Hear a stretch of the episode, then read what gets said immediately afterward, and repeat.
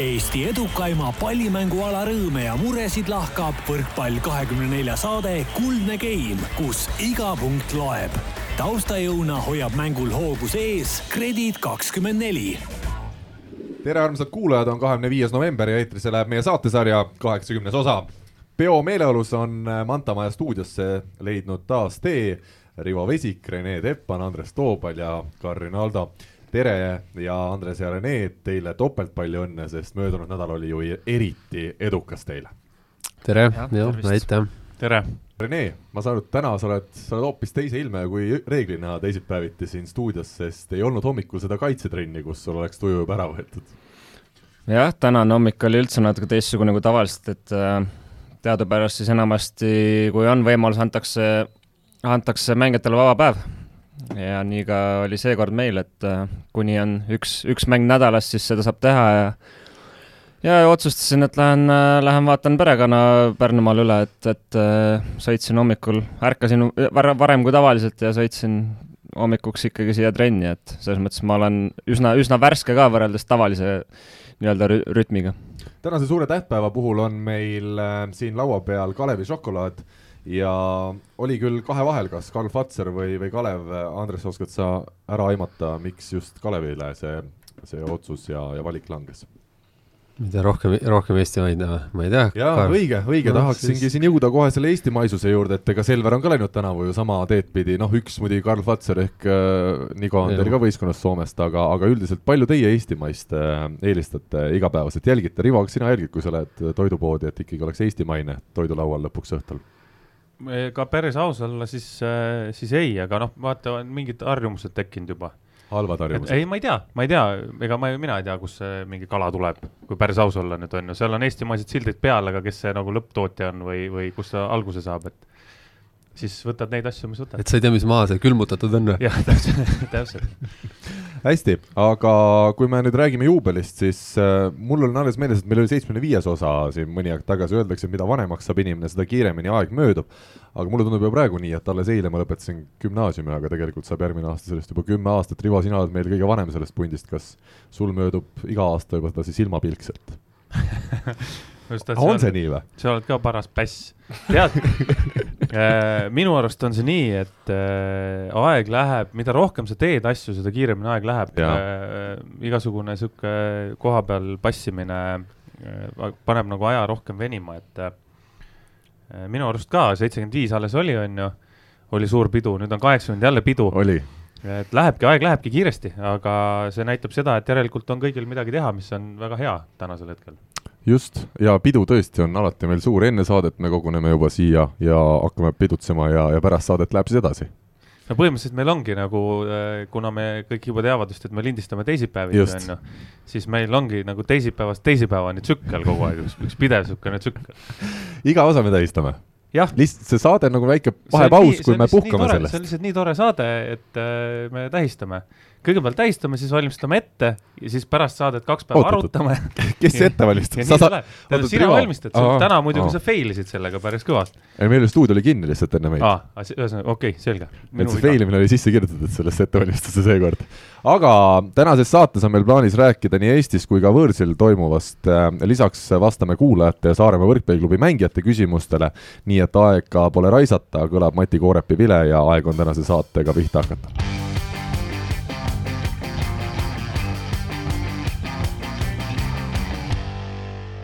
no meil ei ole pääsu, hakkame siis rääkima sellest, mis Grade kakskümmend neli meistriliigas eelmisel nädalal toimus. pühapäeval Tallinna Selver võttis kolm-üks võidu Saaremaa võrkpalliklubi üle, kes siis oli võitnud Grade kakskümmend neli meistriliigas kakskümmend kaks eelnevat mängu, viimane kaotus pärines kaheksandast jaanuarist, kui just äh, Selveriga võõrsil mängiti, aga see oli siis eelmine hooaeg ja see oli Janis Kalmasiidise debüütmäng. aga nüüd siis Kalmasiidisele Saaremaa eesotsas teine kaotus. Rivo, kuna sina oled siin äh, minu kõrval teine selline erapoolik Äh, inimene, siis äh, mis sellele Saaremaale selle kaotuse tõi või mis tõi Selverile võidu, mina ütlen oma järeldused, Saaremaa oli esiteks servil kuidagi ootamatult kehv meeskond, kes on tänavu servil väga hea olnud, vaid neli ässa, Selver lõi seejuures kaheksa ässa ja eksimusi siis saarlastel servi olnud aga kolmteist, Selveril üksteist. Ja teine asi, Saaremaa legionärid olid kuidagi kõik allapoole arvestust, ma ei tea, millest see oli, aga kokkuvõttes võib, võiks nagu öelda, et see mäng oli Eesti võrkpalli võit, sest ka Saaremaa poolel diagonaalid tegid hea mängu ja, ja ütleme, need, kes nagu Eesti pool olid, need tegid hea mängu, aga need legionärid just vedasid alt, kuidas sulle tundub?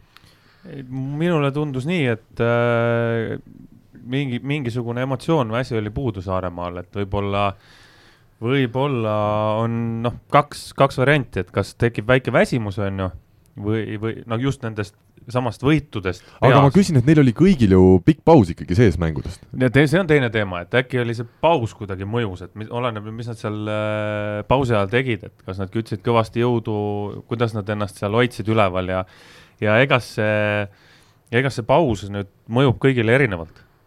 osadel võib-olla ongi lihtsam, et kui sa äh, sa oled, on ju, seal Keit Pupart või Indrek Pulk, on ju, kes on kodus pere juures ja nii edasi, nii edasi, nii edasi, et neil ongi seda pausi lihtsam taluda, et kui sa oled äh, välismaalane, kellel ei ole siin nagu väga mingit sõpru ega kuhugi minna ka, et siis, äh, siis see võibki törst nagu läbi põletada, et ega ta lihtne ei ole. aga Saaremaa üldiselt äh, oli kuidagi loid, ma ütleksin nii. nii, aga me oleme rääkinud siin saates, äh, Rait Rikberg ütles, et kui tema hakkab Tartust Kuressaare poole sõitma, siis ta juba teab, et sealt tuleb niikuinii kaotus, ta ütles seda võib-olla natuke naljaga, aga kokkuvõttes saarlased tulid ka samal päeval nüüd ikkagi Tallinnasse, et kas see sõit võis olla ka põhjus? Või ongi näiteks see, et neil oli hetkel mingi jõutsükkel veel peal, mis peaks siis peagi saabuvateks karika poolfinaali mängudeks olema juba ületatud ja ja selleks hetkeks on see seis hoopis teine, kas võib nii kardinaalselt nädala jagu mõjuda erinevalt siis mängijatele, ütleme, see vormikõver või? Võib küll jah, selle, selle koha pealt kindlasti, ma ei usu, et see sõit oli nüüd see, mis, mis neid segas, et eks nad on igale poole sõitnud ennem ka ja, ja ja üsna niimoodi, mitte lihtsalt, aga ikkagi võitnud üsna kindlalt, eks ju. sama sõitsid Tartusse, mis on veel pikem sõit. aga Tartus on vist eelmine päev, vot. seal on, seal on teine teema, aga, aga jah, et äh, ma ei usu, et see asi oli sõidus. pigem äh, noh, pigem ma tahaks uskuda, et võib-olla oligi see ettevalmistus karika poolfinaaliks, kuna Kredit kahekümne nelja meistriliigas see seis nende jaoks on, on nii nagu on, on ju, et ega seal üks kaotus sinna-tänna, et äh, kui panna, kui panna mingisugune rõhk kuhugi, siis sinna karika poolfinaali, mis on täna tähtsam kui see Kredit kahekümne nelja meistriliiga seis. Ja kokkuvõttes ju Saaremaa on jätkuvalt tabeli liider, kakskümmend kuus punkti neil kogutud, kümme mängu mängitud, äh, Selver jätkuvalt kuuendal kohal, kuue mänguga kümme punkti kirjas, aga meil istuvad siin kaks Selveri meest vastas ka, aga jätkuvalt ma annan neile sõna, sest äh, Rivo, natuke kiidame ka seda Selveri meeskonda, keda me oleme siin hooaja alguses ikkagi omajagu ka saates maha teinud Rene Teppan äh, üheksateist punkti pluss üksteist, rünnak kuuskümmend protsenti. Oliver Orav äh, seitseteist punkti pluss üksteist, rünnak viiskümmend kaks protsenti, vastuvõttav nelikümmend kuus ja Mark Saru, kaheksateistaastane Mark Saru temporündaja, üksteist punkti pluss kümme, poleks ta seal vist eelviimase pallivahetuse ajal servi võrku löönud, siis oleks olnud üksteist või noh, kümme punkti või üksteist punkti pluss üksteist, et sisuliselt perfektne mäng temporündaja kohta. et need Eesti mehed tegid mängu päris hästi Eesti mehed tegid mängu päris hästi, aga mis jäi sealt silma, oli see, et et välja arvatud, kusjuures mõned pallid Renele, siis tegelikult Renet mängis väga hästi. mingisuguse klapi nad on seal leidnud, mi-, midagi seal hakkab nagu toimima praegu no.. ma ütlen vahele, Renet Vanker siis on see sidemängija Selveri meeskonnas. täpselt, et, et Renega, Rene Teppaniga siis oli näha, et mingid situatsioonid veel ei klapi Äh, aga nagu Rene ise ka ütles peale mängu, et eks mõlemalt poolt on seal tööd teha, et saab tema paremaks ja saab Renet natukene paremaks, aga, aga teiste mängijatega on nagu mingisugune ühine keel leitud juba. ja, ja kindlasti on paremad tõsted ka Renele, mis olid enne, et, et kuskilt sealt, sealt nagu oli muudatus. ja pluss muidugi see ja. ka, et Andrus Raadik sai servid üle jaa, üks äss isegi, see oli minu arust aasta äss muidugi. see keris seal trossi peal pikka-pikka aega ja siis kukkus õigele poole maha ja kuidas meeskond tähistas, mul on Rene nägu veel meeles. Rene, kas see oligi mängu selline meeldivaim hetk, kui sa nägid, et Andrus Raadik lõi sellise kobina ässa? no äss on äss, kobin või mitte kobin, et, et aga ei, jaa, mul, ma ei ole kunagi kade selles mõttes kedagi kiitmas, kui ta midagi hästi teeb ja hea meel oli tõesti, et et ta selle serirütmi ka lõpuks, lõpuks nagu leidis ja, ja ma usun, et äh, mingil määral see, mis nagu toimus, see nagu on minetatud, et ilmselgelt see niisugune vaimne, vaimne nagu teema oli, et eks tal oli, oli raske nagu üldiselt ka, et alguses ei saanud võib-olla jalgu sõna otseses mõttes alla, siis, siis sai need jalad alla ja siis miskipärast ei, ei, ei tulnud tehnika nagu võib-olla kohe järgi, aga nüüd on nagu see see pusle on nagu suht-koht nagu hästi kokku saanud, et, et äh, ta on ju selgelt kogenud mängija ja, ja selline nii-öelda positive player, kes nagu, kes nagu pigem mängib, mängib meeskonnale ja kasulikult, äh, ütleme ta see punkti, kogupunktid ja, ja pluss-miinus on suhteliselt äh, lähe-, üksteise lähedal, et, et ta on selge selline stabiliseerija ja meeskonnamängija kui me räägime nüüd Selveri meeskonnast, kas Rene, sa tunned ka sama, mida Rivo ütles, et, et teil see mäng hakkabki tulema, et see ei olnud selline ühekordne sähvatus? No vaata, selles mõttes kindlasti ilgelt loll oleks midagi siin arvama hakata või vastu rinde taguma hakata, et selge on see, et meil on me, meil ei ole, ütleme siis kümme kogenud meest seal võistkonnas, et see on asi, mille kallal tuleb igapäevaselt vaeva näha ja, ja ei saa eeldada, et iga, iga mäng, iga mees teeb need numbrid kokku, et seda ma näen iga päev ka trennis, et see ei käi nii ja see, see ei käi ka päris tippude tipus nii, et iga päev, noh, see ongi see nagu eesmärk, mis peaks olema, ütleme, noortel mängijatel Eestis eriti. Et, et hoida seda levelit, teatud levelit iga päev, noh, stabiilsus on taseme näitaja, see ei ole nagu niisama suusoojaks öeldud, et seda, seda ei ole ainult võrkpallis, seda on ka teistes pallimängualades äh, tugevalt tunda, et miks üks või teine mees ei saa välismaal, aga Eestis on lahe, on ju, mees, et äh, mängib hästi ja nii edasi, et aga see ongi see, mis nagu määrab tegelikult selle mängija klassi kas sa sellega oled nõus, Rene, et miks need noored mehed ka kõik hästi mängisid võib-olla teie poolel, oli see, et teil oli pikk mängupaus sees olnud, äh, keegi justkui teilt ei oodanud väga seda võitu, sest noh, te olite olnud karantiinis ja, ja trenni polnud saanud teha, lisaks Saaremaa tabeli liider, et teil saidki need noored mehed mängida vabalt, nad teadsid, et tegelikult need kõige tähtsamad mängud Saaremaaga on siin nüüd eeloleval nädalal siis äh, esimene mäng ja järgmine nädal teine mäng tulemas karikasarjas? Äh, ma seda ei usu see oli pigem niisugune ümberringi niisugune jutt, mis ringles, et oh, et äh, me olime karantiinis ja nüüd on kõik läbi ja me ei saa kuidagi vastu, see oli niisugune blablabla minu jaoks, et äh, et äh, me tegime ju tööd edasi, mingil määral küll jah, mitte nii nagu tahaks, aga ütleme, kui sul on füüsis paigas, siis tuleb ka see pall päris kiiresti järgi, et see ei lagune nii kiiresti, sul on okei okay,, esimesed kaks päeva on võib-olla kandiline, raske, pall ei kuula sõna, aga sealt edasi, selles mõttes see, see taseme nii-öelda taastamine käib päris kiirelt, et äh, see jah, pigem oli niisugune, ütleme, mull, et pigem äh, mulle meeldib siin viimasel ajal see, et me oleme suutnud üsna sarnased statistilised numbrid, kuigi noh, üks asi on paberstatistika, aga aga midagi ta näitab ja, ja ütleme näiteks rünnakul või mis iganes, me oleme suutnud iga vastase vastu siin mingisuguse perioodi suht-koht samad numbrid ära teha, mis on nagu mingisugune ka näitaja, et, et ma ütlengi veel kord, ma ei eelda, et see saabki nii olema, kindlasti hooaeg on pikk, tuleb ka raskemaid momente, perioode, kus me oleme väsinud, vastane teeb midagi hästi, me oleme surve all ja nii edasi, see kõik käib asja juurde, aga hetkel nagu mulle tundub, et mingi selline hea hingamine ja rütm on võistkonnal sees, et mängupäev ei ole see päev, kus äh, mõeldakse enne mängu, et oi-oi-oi, tugev vastane või, või et oi, ei tea, mis täna küll saama hakkab, vaid pigem minnakse mängule sellise naudinguga ja mõnuga.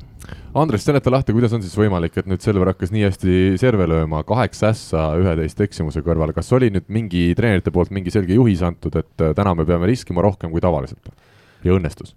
no ütleme nii, et äh, Saaremaa vastu, kui sa tahad, tahad neid võita, siis äh, selge on see, et siin liigas igaüks peab mingi riski võtma, et et nende vastu minna lihtsalt, et panen üle ja, ja loodan enda ploki kaitse peale, selge see, et sealt ei tule, et äh, nüüd ei olnud otseselt mingit tohutut riski, aga, aga me, mehed ise ju teavad seda ja, ja eks natukene suunitlus oli, et eks seal tuleb, tuleb panna nii palju, kui see riskipiir lubab ja, ja, ja noh, jah, võib-olla oli jah, nad olid natukene niisugused võib-olla äh, vaoshoitumad või ütleme, jah, ütleme ei, ei saanud enda mängu kohe käima ja me saime nagu enda, enda mängu ise hästi käima ja, ja suutsime suruda neid piisavalt, et et jah, mingit otsest ülesannet nüüd, ma ei tea, nui neljaks nüüd on vaja ainult täiega panna, et seda kindlasti mitte. Rääkisin enne mängu, küsisin Alar Rikbergi käest, Tartu meeskonna peatreenerilt, et mida võiks jälgida tolles telemängus siis pühapäeval teie ja Saaremaa vahel. Ja ta ütles, et jälgi seda, kuidas saarlased mängivad siis, kui neil on serv kehvasti käes. Ja esimene game kohe näitas, neil oli vist seitse kehva vastuvõttu ja lahendamisprotsent null küsimus Rivole, kas see võikski olla nüüd üks selline selge miinusmärk, et, et see Sousa, kes on muidu väga kõva nurgaründaja, et kui tal ikkagi pall hästi käes ei ole, siis näiteks tema ei suuda palli väga hästi maha lüüa, Pupart seal mängib pigem kavaluse peale taolistel hetkedel ja noh, võib-olla Pulk siis on see, kes suudab neid raskeid palle ka maha lüüa, aga, aga et see võiks olla selline selge Saaremaa nõrkus tänasel päeval. Kas ta nüüd nõrkus on, et ega selle, sellisel tasemel mängides äh, nagu siin eel, eelnevad mehed ütlesid ka, et äh, kui vastasel on ikkagi serv nõrgem, siis nad saavad selle servi normaalselt kätte. et see on, võib võtta nagu mõlemat pidi, on ju, et äh, kui nüüd, kui nüüd keegi suudab kogu aeg, kogu aeg nii tugevalt servida, et sa löödki ta servi vastuvõtult välja, jah, siis ta võib olla nõrkus, et siis tuleb hakata midagi parandama kuskilt, aga samas, kui sa tead, et sa pead selle vastu, selle võistkonna vastu tugevalt lööma, ja, ja et siis, siis tuleb hakata vaatama juba seda, et kui palju on halbasid vastuvõtte ja kui palju reaalselt on vastase servi vigu.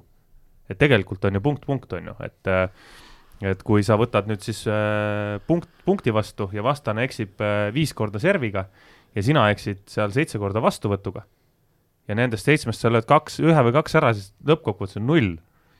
et äh, ma, ma nüüd seda nii ulmeliseks nõrkuseks täna ei peaks Äh, üks huvitav asi, mida minu arust tasub mainida selle mängu juures, on see, et äh, kuna siin haigusega olid siis mõlemad Selveri põhiliberod ehk Sten Vahtras ja Rauno Haidla eemal sellest kohtumisest, Vahtras küll korra kolmandas skeemis platsil käis, aga see oli tõesti vaid korraks, vähemalt äh, Andres oli, statistiliselt ma vaatan, ta oli korra väljakul, kuigi mina ka ei mäleta, et ta seal väljakul oleks käinud, vaatan, Rene ka ei mäleta, et oleks olnud. ei, minu teada ka ei käinud, jah. aa, no siis tervitame statistikuid, siis tervitame statistikuid, kes võib-olla ta hiilis korra väljakule kolmandas game'is. tea, jah, võib-olla ka siis No ühesõnaga- keegi teine ei näinud, aga jutu point on see, et Deniss Losnikov, kes on muidu tänavusel hooajal selline siis Selveri, kuidas öelda, tore abimees, kes teil igas trennis isegi käib, nad töö kõrvalt seda sporti teeb, käib trennis nii palju, kui saab ja jõuab ja nüüd siis tema pandi libero positsioonile ja väga hästi minu arust tegutses, ta on Eesti koondises ka mõned aastad tagasi seal liberona tegutsenud, viiskümmend seitse protsenti oli vastuvõtt, kahekümne kolmel, kahekümne kolmel korral sai tööd ka. et kas Losnikovi selline hea sekkumine võis olla ka üks selle võidu asju, mida välja tuua või? no võib-olla mul on nagu niimoodi, jah, ma selles mõttes kiidaks igal juhul, Deniss on, on tegelikult äh, see aasta nagu hästi-hästi tubli olnud, et äh, et trennis on ta, on ta ülikasulik olnud ja, ja, ja nüüd, kui ta sai nagu mängida, siis ta tegelikult kasutas selle, selle võimaluse nagu peaaegu ideaalselt ära, et, et ta on nagu kindel ja sihuke rahulik ja, aga noh, eks kindlasti kindlasti need mehed, kes platsi peal olid, võib-olla tundsid seda kõige rohkem no küsime Renelt, kas oli tunda, kas sa tunned, kui libero on teine või noh, Deniss ei ole, eks ole, libero positsioonidel see hooaeg mänginud varem?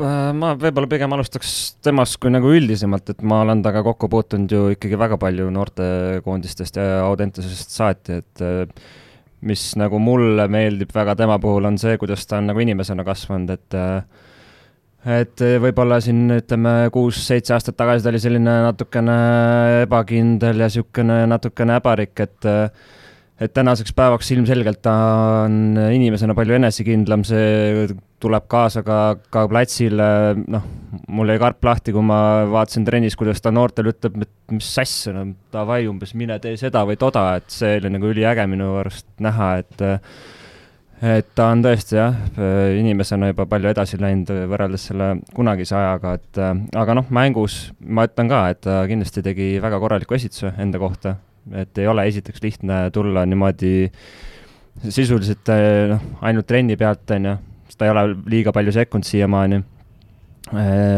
pluss veel see, et ta tegelikult ei käi kõikides trennides kohal ka, sest lihtsalt teine elu nõuab ka nagu ohvreid, on ju, et et noh, ütleme, mis seal mängus sees, kui, kui sa ei pea sinna nii-öelda positsioon viie suunas nagu väga palju vaatama, siis see tähendab seda, et asjad on järelikult korras ja kontrolli all, et ta on ilmselgelt ju väga palju aastaid mänginud nii nurgaründajana kui, kui, kui liberona, mis iganes, tal see platsikindlus on kindlasti nagu olemas. ja ma arvan, et tegelikult ta ise tunneb ka ja ma ise usun ka, et äh, tegelikult ta saaks, saab veel paremini ja kindlasti saab veel paremini. üks huvitav teema, mis sellest jutust praegu tuli äh,, hakkasin mõtlema siin selle peale, on seesama just nagu noorte mängijate käest mingisuguse asja, noh, võib-olla nõudmine, noh, ongi nõudmine, on ju.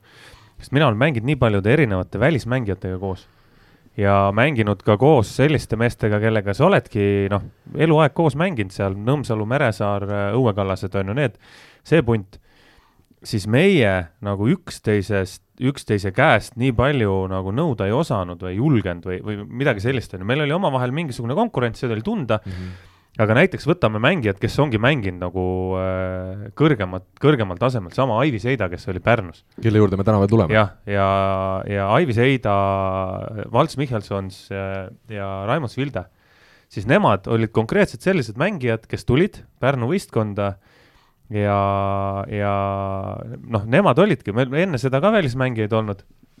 Need välismängijad tegid oma tööd Nad ei olnud nii kõrgel tasemel mänginud, nad tegid oma tööd, nad teiste peale midagi väga seal ei vaadanud, on ju. aga sama nagu nüüd on äh, Selveris on siis Rene Kristokollo ja Andrus Aadik, on ju, kes on koondise mängijad, kes ongi sellised mehed, kui äh, Aivi Seida nagu vaatas meile otsa, ütles, et kuulge mehed, et äh, mina teen siin tööd, te siin midagi molutate või teete huumorit, on ju, davai, et hakake tööle. siis lõid kulpi ja hakkasidki tegema ja, ja, ja noh, neid, neid nagu mängijaid on tegelikult noorte juurte võistkonda väga vaja, ma arvan, et sealt on saanud nii Nõmsalu, Meresaar kui kõik, kogu see punt on saanud väga-väga häid, äh, just väga häid trenne ja väga häid õpetussõnu ka. ja selle teema veel jätkuks ma ütleksin nii, et päris huvitav ongi mõelda ka seda just selle aspekti poolt, et et äh, Losnikov on meil täna kahekümne kuue aastane mees ja libero öeldakse, et peab olema ikkagi selle kaitseliini nii-öelda ohjaja või liider. ja kui meil Vahter ja Haidla, kes on tegelikult ju väga hästi tegutsenud libero kohal, nendel seda vanust lihtsalt paratamatult on vähem ja seetõttu ka seda võib-olla respekti on natukene veel vähem ja, ja pigem õpetavad teised äh, neid, et see Losnikov võib olla selles suhtes ka päris huvitav käik seal äh, libero kohal, ma ei tea, kas see tulevikus ka muidugi nii võib olla, Andres vaatab ka nii otsa, et võimalik, aga kunagi ei tea noh, see on nagu jalgpallis on väravavaht, vaata, kes kogu aeg näeb, näeb nagu kogu pilti tegelikult mm, -hmm. mis väljakul toimub ja tema on kõige parem mees nagu tagant regullima kõiki asju, sellepärast nad seal karjuvadki kõikide peale kogu aeg. no usu mind, see, ütleme, see respekti teema, see selles mõttes ei ole tegelikult teema. respekt teenitakse välja töö ja ja ütleme, mängu kvaliteedi ja sellega, et no aga ma mõtlen, kas tuleb seal Haidla või kui või Haidla mängiks nagu Tšenja Grebennikov, siis usu mind, keegi ei köhiks, noh. Aga ma mõtlengi seda, et aga üks asi on see, et sa mängid nagu Grebennikov, teine asi on see, et kas sa oled nende, kas sa oled oma nii-öelda küpsusega vanuse poolest lihtsalt selline mees, kes läheb ütlema, ütlema Tepp Teppanile, et näed, kuule, kuidas sa praegu siin seda kaitseolukorda meil mängisid, et seda tuleks teistmoodi teha. siin, siin, siin ei ole vahet, selles suhtes ei ole vahet et.... aga kas on nii, kas Losnikov ütles, ütleb sulle midagi teistmoodi, kui ütlevad Haidla ja, või Vahtras või selles suhtes nagu suhtluse osas on kõik sama või? ma ei tea seda, ma lihtsalt äh,, mind nagu ennast hakkab huvitama, kas iga siin loeb midagi ei, ei loe, ausalt ei loe, mina arvan, et ei loe. et sul tuleb Haidla ka vahele, ütleb, et Rene, kuule, nii päris ei saa kaitses mängida. no ei tule, aga ütleme, noh, ütleme jah, libero ikkagi enamasti majandab seal vastuvõtuosakonna ennem servi ja nii edasi, et sinna mina otseselt nagu ei puutu, kui mm -hmm. siis see, et et davai, nüüd võtame neljakesi vastu, et tule tõmba välja Äh, ja, ja nii edasi, et aga, aga ütleme jah, see kaitse pool, see on nagu tegelikult juba varasemalt ju videos paika pandud, et seal nagu sellist kohendamist kui sellist pigem tuleb treeneri poolt nagu väljast, mida tema nagu näeb, et äh, ka liberal ei ole võimalik ju nagu näha ja vaadata sellel hetkel, kui pall tuleb, tema keskendub oma liikumistele ja asjadele, ta ei näe, mis ümberringi toimub, noh. Silmanurgast näed, ütleme, kus su kõrval mees asetseb, et seda positsiooni nagu võtta, aga, aga üldist pilti näeb ikkagi treener nii, ja selle mängu siis lõpetuseks ütleme lihtsalt remargi korras, et kui meil on Raadikul olnud siin serviga probleeme ja me oleme seda saates ka rääkinud vaata et iga kord, siis äh, ütleme sellise mehe nime nagu äh, tähendab Wilfredo Leon, Perugia meeskonnas, kaotas siis Perugia viimases mängus Monsale null kolm, Leon üheksa servi, kuus eksimust, ei ühtegi ässa. Ja võtame siit ka sellise vanameistri, Rene vana sõbra nagu Marius Vlasli, kes siis mängimas Poolas äh, sel hooajal diagonaalina Gdanski meeskonnas ja Gdansk äh, võitis mängu kolm-null Ra-, Radomi vastu ja Vlasli tegi seal mitmeid vigu servil ja mitte ühtegi ässa ja kokku siis Vlaslit tänavusel hooajal sada kakskümmend kaheksa servi, viisteist ässa ja viiskümmend üks viga. ehk siis nelikümmend protsenti tema servidest ongi vead ja me räägime siin maailma tipust, ehk siis ma arvan, et on viimane aeg ikkagi ka nendel võrkpallisõppedel, kes usuvad seda, et lisaks sellele, et maa on lapik, on ka see, et serv tuleb lihtsalt mängu panna, et tänapäeval lihtsalt sa ei saa servi enam lihtsalt mängu panna no sa tõid nüüd muidugi vägeva ekstreemse näite ka, onju.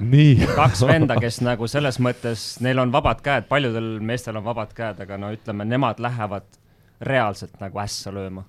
Nagu reaalselt, nad nagu löövad, löövad selles mõttes, teatud mõttes nagu tühja võrgu pealt, et nemad viskavad selle palli üles, on full risk, vahet ei ole, kuidas see vise on, nad panevad täis tonni kogu aeg, on ju, et äh, seal ei ole, kuigi tegelikult Laslil on käes olemas ka selline kruttiv äh, lühike, aga no ilmselgelt noh, ta, ma tean tema iseloomu, tema isiksust, ta on äh, selline, talle meeldib see show ja, ja see see nii-öelda tähesära ja kõik see värk, see ei tule sellega, kui sa pehmelt paned mingit plönni, et tema läheb ilmselgelt äh, vajutama. see muidugi statistiline näitaja, mis sa praegu välja tõid, see lööb ka mul suu lahti natukene, aga, aga aga noh, see on selles mõttes tema puhul tavaline, samamoodi rünnakul, aga ta läheb, ta läheb ja vajutab, et et niikaua, kui see toimib, niikaua ta on väljakul ja kui see ei toimi, siis treener saab kiiresti aru, et eriti sel aastal on tal ju peatreeneriks Michal Vinjarski, noh, mehed on ju nii-öelda tiku ja taku Poola mõistes, et äh, nad on koondises, klubis äh, koos mänginud, nad on isegi Belhatovis naabrid, nii et noh. aga Reneel on jätkuvalt suu lahti ja meil on aeg minna järgmise teema juurde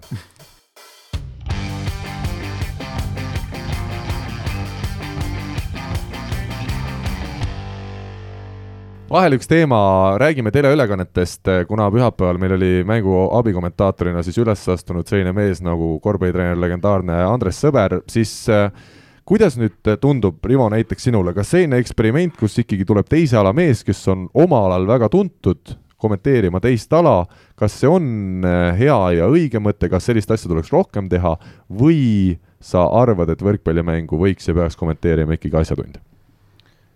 Äh, jah, äh, Andres Sõpra oli, oli üle pika aja jälle väga tore kuulata ja ja eks, eks seal sai kõvasti nalja ka, aga noh, nalja sai pigem sellega, et Andres Sõber väga ei teadnud võrkpallist midagi, et äh, noh, samamoodi me võime ju proovida nii, et mina lähen korvpalli kommenteerima. aga sa teed oluliselt rohkem korvpalli, ma arvan. ma kardan küll jah, et telemängude jaoks peaks olema ikkagi inimene, kes mil-, midagi nagu jagab ka.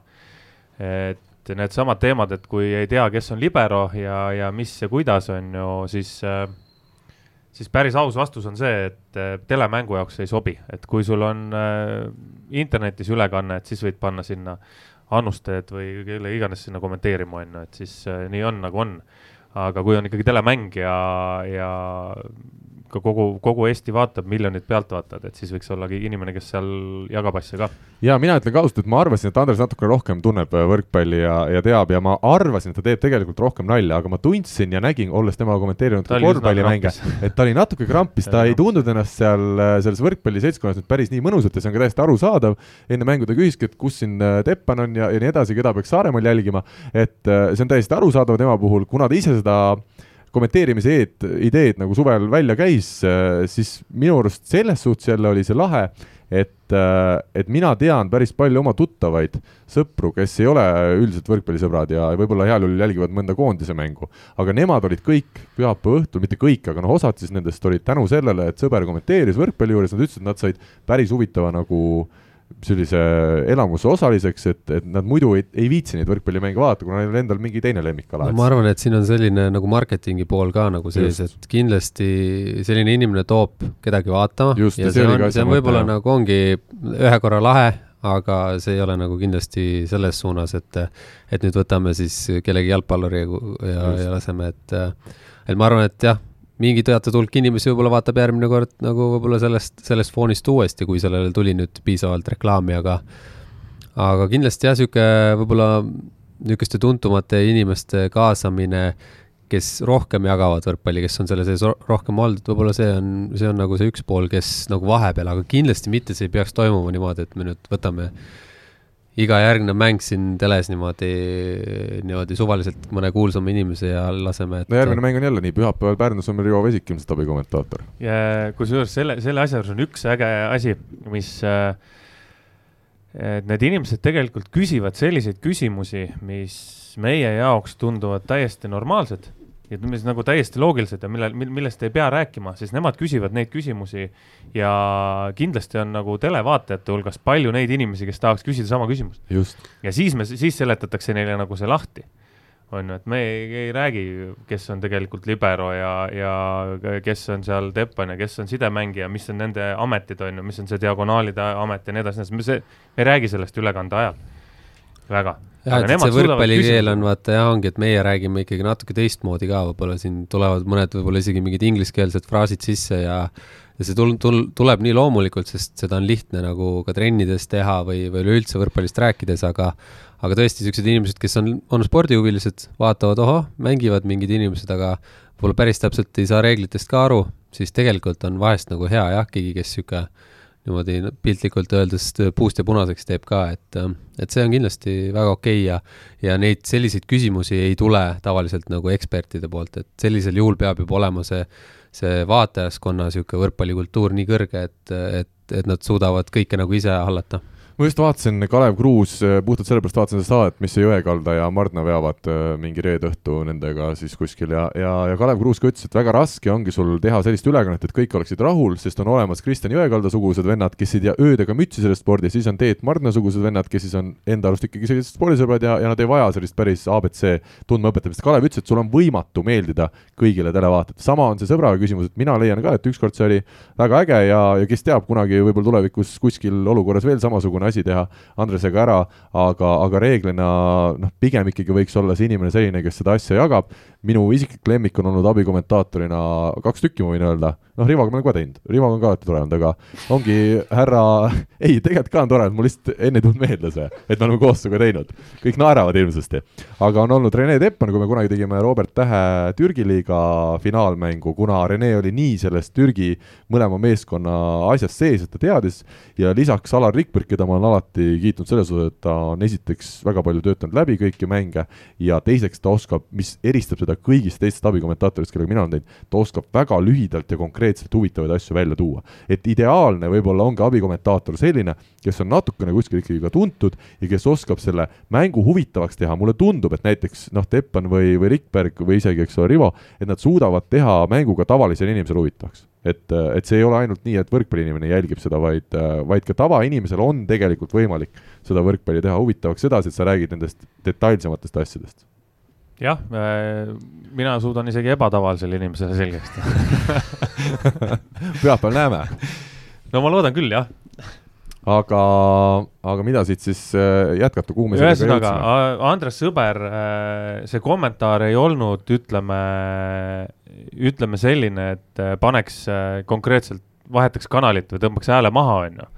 ta rääkis, ta rääkis hästi, ta mängu lõpuks sai tegelikult juba väga hästi situatsioonidest aru ja needsamad küsimused, mis ta vahepeal küsis, äh, need olidki väga head küsimused. no ja mingi sihuke asi ka, mida ma ütlen, noh, Andres näiteks küsis, et kas treenerid peavadki nii rahulikud olema, et korvpallist on harjunud karv, et see on see huvitav asi, mida sa ei mõtle igapäevaselt ise võrkpalli vaadates, et kõik treenerid on ikkagi päris rahulikud, et see on alale nagu omane. aga tema tuleb korvpallist ja näeb natuke teise pilguga ja paneb ennastki mõtlema, et tõesti, et kas treenerid nagu võrkpallis peavadki olema nii rahulikud, kas see ala oma iseloomult on teistsugune ja ma leian, et ongi ilmselt teistsugune. ongi teistsugune ja ega sa ei saa selle, mis sa siis nüüd seal pallivahet seal röögid seal äh, sidemängijal, tõsta kahe peale või, või tehke seda või tehke teist, et korvpallis on ju kombinatsioonid, asjad, et seal juhendatakse konkreetselt mängu. ja see ühe, ühele inimesel see puuteaeg on ju nii lühike, et kus sa, see pall ju põrkab seal käes, sa jõuadki talle võib-olla mingi info anda, aga selle ajaga, kui sa karjud, ma ei tea, Renetile, et ma ei tea, tõst selja taha, siis selle ajaga kõik asi on juba ammu möödas. pluss konkreetselt, kui sa oled kaitses näiteks ja sul on peatreener on sinu seal väljaku poolel ja kõvasti karjub sulle, et nüüd tuleb kaitses täiega töötada, siis need mehed tänu sellele ilmselt natukene pingutavadki kaitses rohkem, et äh, võrkpallis sellist olukorda ei ole.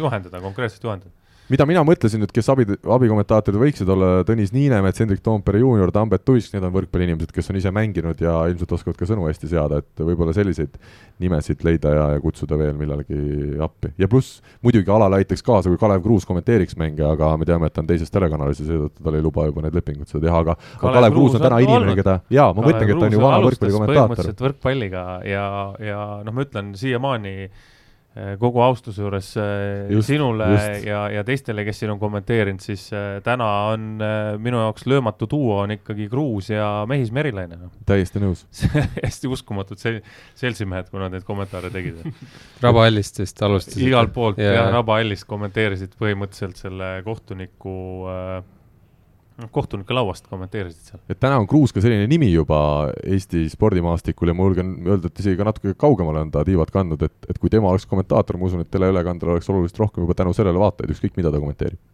jah, ma usun ka, jah aga läheme edasi, mida saaks teleülekannetes Eestis muuta huvitavamaks, sellise küsimuse ma panin teile teele siin enne saadet. üks asi, mida ma sõitsin nii, sa sõitsid? ma ei näinud midagi. aga sul on praegu võimalik mõelda, Rene, see mõtlemine on selline tegevus, mida saab teha kogu aeg. aga üks asi, mida me oleme üritanud teha pärast teist game'i neid äh, intervjuusid abitreeneritega, tänu sellele on see teise game'i järgne paus natukene pikem, aga kas annab midagi veel teha, mis lihtsa teleülekande muudaks huvitavamaks vaatamiseks?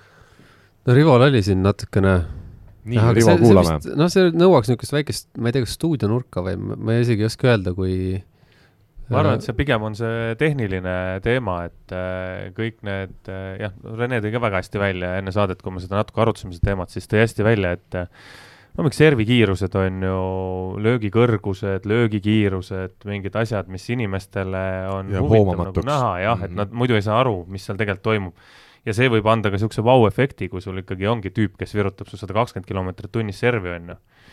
et see võiks olla üks asi, noh, teine teema võiks olla selline äh, nagu äh, kas või iga game'i vahel siis teha väike, vähe pikem paus ja, ja vaadata, mitte puhast lugeda ette siin, et Indrek Pulk on ju kaksteist punkti la la la la la, seda tuima statistikat, aga pannagi nagu graafiliselt ette.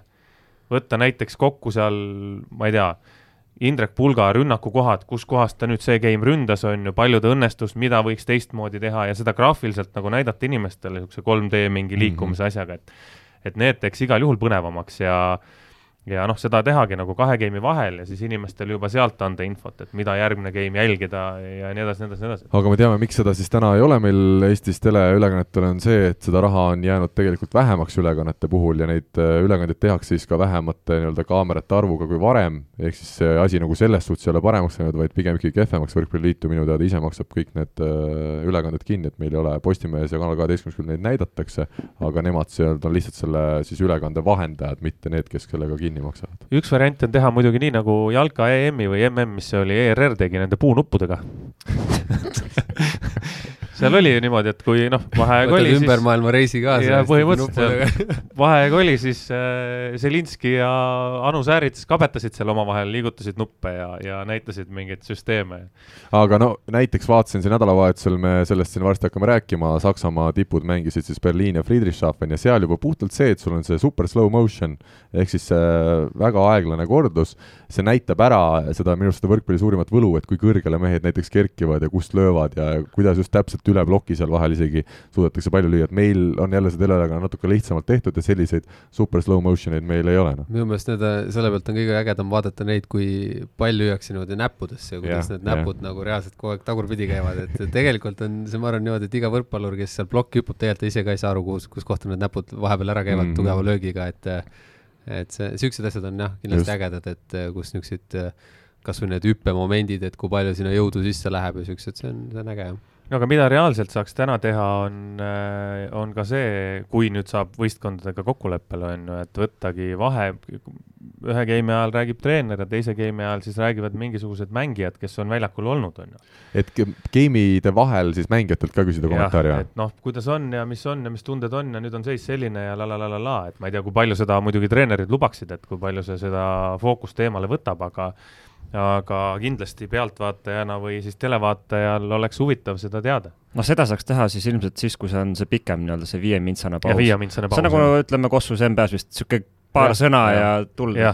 kuigi ja. mina ütlen, et Euroliigas korvpalli vaadates need Poola intervjuud on kõige mõttetumad asjad üldse, seal on üks küsimus ja see mängija, ükskõik mida talt küsitakse, ta juba teab, et kuna see küsimus on suhteliselt lihtne, siis ta vastab lihtsalt jee, et proovime teha paremini teisel poolel, mängida kaitses kõvemini, visata rohkem sisse. et see on täiesti mõtet, kui teha, siis see peab olema ikkagi selline minutiline intervjuu umbes. isegi tasuks kohtuniku käest küsida. et mis juhtus et äh, ei, et äh, kuidas, kuidas tunne on ja et kas oled närvis? kas kohtunikega võib rääkida, ma ei tea üldse no ära igaks juhuks räägi. Nad ei tule alla sealt vist üldse, vähemalt üldse, ka pärast mängu? ei tule vist, jah.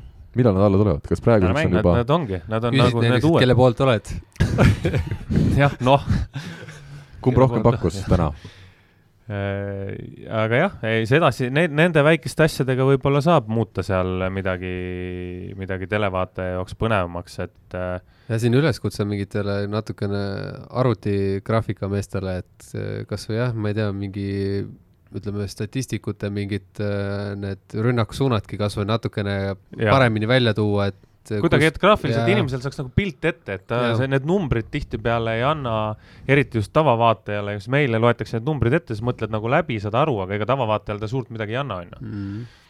kas, kas kui game lõpeb, kas läheb kohe reklaamiks või, või? kahjuks küll jah, seal on nii täis pandud see paus, et sisuliselt game'i lõpus kohe peab minema reklaamile ja siis, kui game algab, alles oleme tagasi. no aga... seal on näiteks, sorry, et ei, ei, see, kas või panedki mingid highlights'id seal pooleks minutiks käima, just täpselt selle slow-mo'ga, et see jällegi aitab natukene nii-öelda seda eetrit täita, pluss siis ka nagu fun on vaadata võib-olla mingeid no, asju üle. ongi, et kuna see on kolm kaamerat ainult, see üks kaamera võiks olla nagu päris nagu mingi väljaku lähedalt, kus võtab nagu mm mingeid siukseid hästi lähedalt mingeid emotsioone, noh, siin tegelikult on näha, kui ikka, ma ei tea, ratsa või keegi palli maha lööb ja seda mingit siukest kurja häält teeb, noh, see on no, nüüd sa tõid hea näite muidugi, sealt highlights ei saa, pigem orav äkki siis või? no võib-olla orav jah, aga no lihtsalt selles mõttes, et kuskilt nagu lähedalt, et noh, ega seal on, et nagu siin oli näha ka saarlastel seal tempo ikka maha lõi, seal ühel palju siis tegi ka ikka päris siukseid võimsaid hääli või noh, siuksed noh, seal ei pea need hääled isegi kostuma, aga see nagu näost ja sellised on näha, et aga need toimuksid lähedalt, praegult nagu päris palju toimub kõik nagu kaugelt, et, et võimalikult palju pilti jääks. ma ütlen lihtsalt, et orava ja varblase hääli saab kuulda ka metsas edukalt, selleks ei pea võrkpalli vaatama.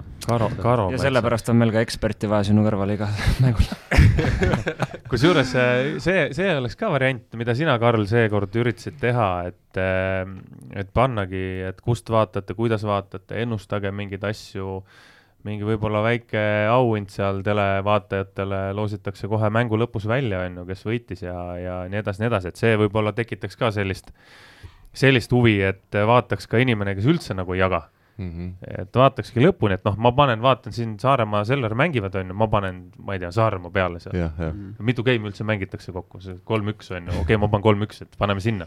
mul tuleb siin vahele meelde, eelmine nädal me ennustasime, kuidas läheb Resolve mäng, mis pidi siis teisipäeva õhtul olema, Rene on siin väga pea vajub alla. kes pakkus, et Resolve kaotab üks-kolm siis äh, Suvalkile? Mina pakkusin. nii et ikkagi, Rene, ma ei tea, kus sa oled ja mida sa vaatad, kus, mille järgi sa teed no, oma järeldust. me jõuame sinna, ma veel õigustan ennast. ahah, ahah, väga hea, aga meie läheme siit edasi järgmise teemaga. jaa, meil siin metsas teavad kõik, et kõik see parem on ikka Eestimaal. aga ega see tähenda, et vahepeal muud maailma ei tohiks käia avastamas. karumets hoiab metsas asjad korras, et meie võrkpallisaadikud võiksid rahus käia meid esindamas laias ilmas aga nüüd on aeg rääkida sellest, mis toimub välismaal ja meil on kõne võetud Saksamaale ühele Eesti koondislasele, kellel nimeks Martti Juhkami ja tema on parasjagu bussis nautimas kaheteisttunnist äh, sõitu Lüneburgi linna. tere tulemast, äh, Martti, ja ütle, kuidas need pikad bussisõidud sulle sobivad? tere, tere, ega need äh, bussisõidud nüüd kõige meeldivamad vist ei ole, aga aga õnneks on neli kohta mulle reserveeritud ja ma arvan, et see on halb, nii et elan üle neli kohta on sulle, kas teised mehed siis istuvad äh, kõik sedasi ühe tooli peal, üks inimene? no eks iga, muidu teised on istunud kõrval, aga mul on neli kohta. tegelikult me just üritame siin vahetada ja igalühel on niisugune oma väike ala, kus nad siis saavad natuke pikalt visata, et, et see kaheteistkümnene reis liiga hullult jalgadele ei mõjuks selge, natukene kehvasti me sind kuuleme, nii et mida selgemad on su sõnad, seda paremini, ma loodan, ka kuulajad saavad äh, aru sellest kõigest. ütle, millega selliste pikkade bussisõitude ajal siis ikkagi tegeletakse, millega sina konkreetselt seal aega mööda saadad, kui on kaksteist tundi vaja olla järjest bussis? see ongi oleneb, äh, oleneb päevast, et äh, vahepeal näpin natukene arvutit, tegelen mingite ennast huvitavate asjadega ja vahepeal loen midagi, vahepeal kuulen mingit podcast'i nagu Kuldset Game'i ja umbes nii need tunnid mööduvad räägi, äh, kui palju sa üldse ööpäevas kulutad aega veel kõigele selle, mis ei ole sul otseselt treeningute ja mängudega omal Saksamaal seotud, vaid mis on seotud siis kõige muuga, mis võrkpallis toimub, me kõik teame siin ka stuudios äh, olijad, et sa, sa ikkagi meeletult tunned huvi selle võrkpallimaailma vastu. see ongi, et oleneb jälle, mis periood täpsemalt on, et kui on rohkem vaba aega, et äh, siis saab natukene rohkem tähelepanu pöörata nii-öelda, mis toimub äh, mujal Euroopas, maailmas kui ka Eestis, et et kui on niisugused kiiremad perioodid, kus on palju mänge, palju videosid, mida enda tuleb analüüsida, et siis on aega jälle vähem selge, aga räägime nüüd sellest eelmisest nädalast, kui sa siis nädalavahetusel Friedrichshafeni põhitegijana aitasid meeskonna kolm-null võiduni Saksamaa viimaste aastate valitseja Berliini üle, keda siis juhendab äh, ka tänavusel hooajal meie koondise peatreener Cedric Enard. sinult viisteist punkti pluss üheksa valiti sind äh, oma meeskonna parimaks, ütle, kui suur ja tähtis võit see sulle isiklikus plaanis oli? muidugi on oluline, et äh, eelmine aasta me neid võite ei suutnud Äh, olid üsna kindlad kaotused, isegi siis, kui meil üks mäng olid mõlemad diagonaalid väljas, siis äh, pidime ikkagi nende paremust tunnistama, et et ma arvan, selle meeskonna enesekindluse jaoks ja seda pikemat hooaega nii-öelda silmas pidades arvan, et see oli ülioluline võit, et, et kuna meil see mängupilt on olnud ka selline kõikuv, et et vahepeal justkui mängime suhteliselt hästi, aga siis suudame mingi nagu erilised käpardid ringi käia, et ma arvan, et see võit võib suunata meid õigele teele enne just meistriliigale mängu kuidas sa ennast siis hetkel tunned, tundub, et see Friedrichshafenisse siirdumine enne eelmist hooaega oli õige käik eelmisel aastal, nii palju kui sa ilma vigastuseta ja enne koroonat mängida said, tegutsesid hästi ja tänavu ka oled olnud ikkagi selge põhimees meeskonnas.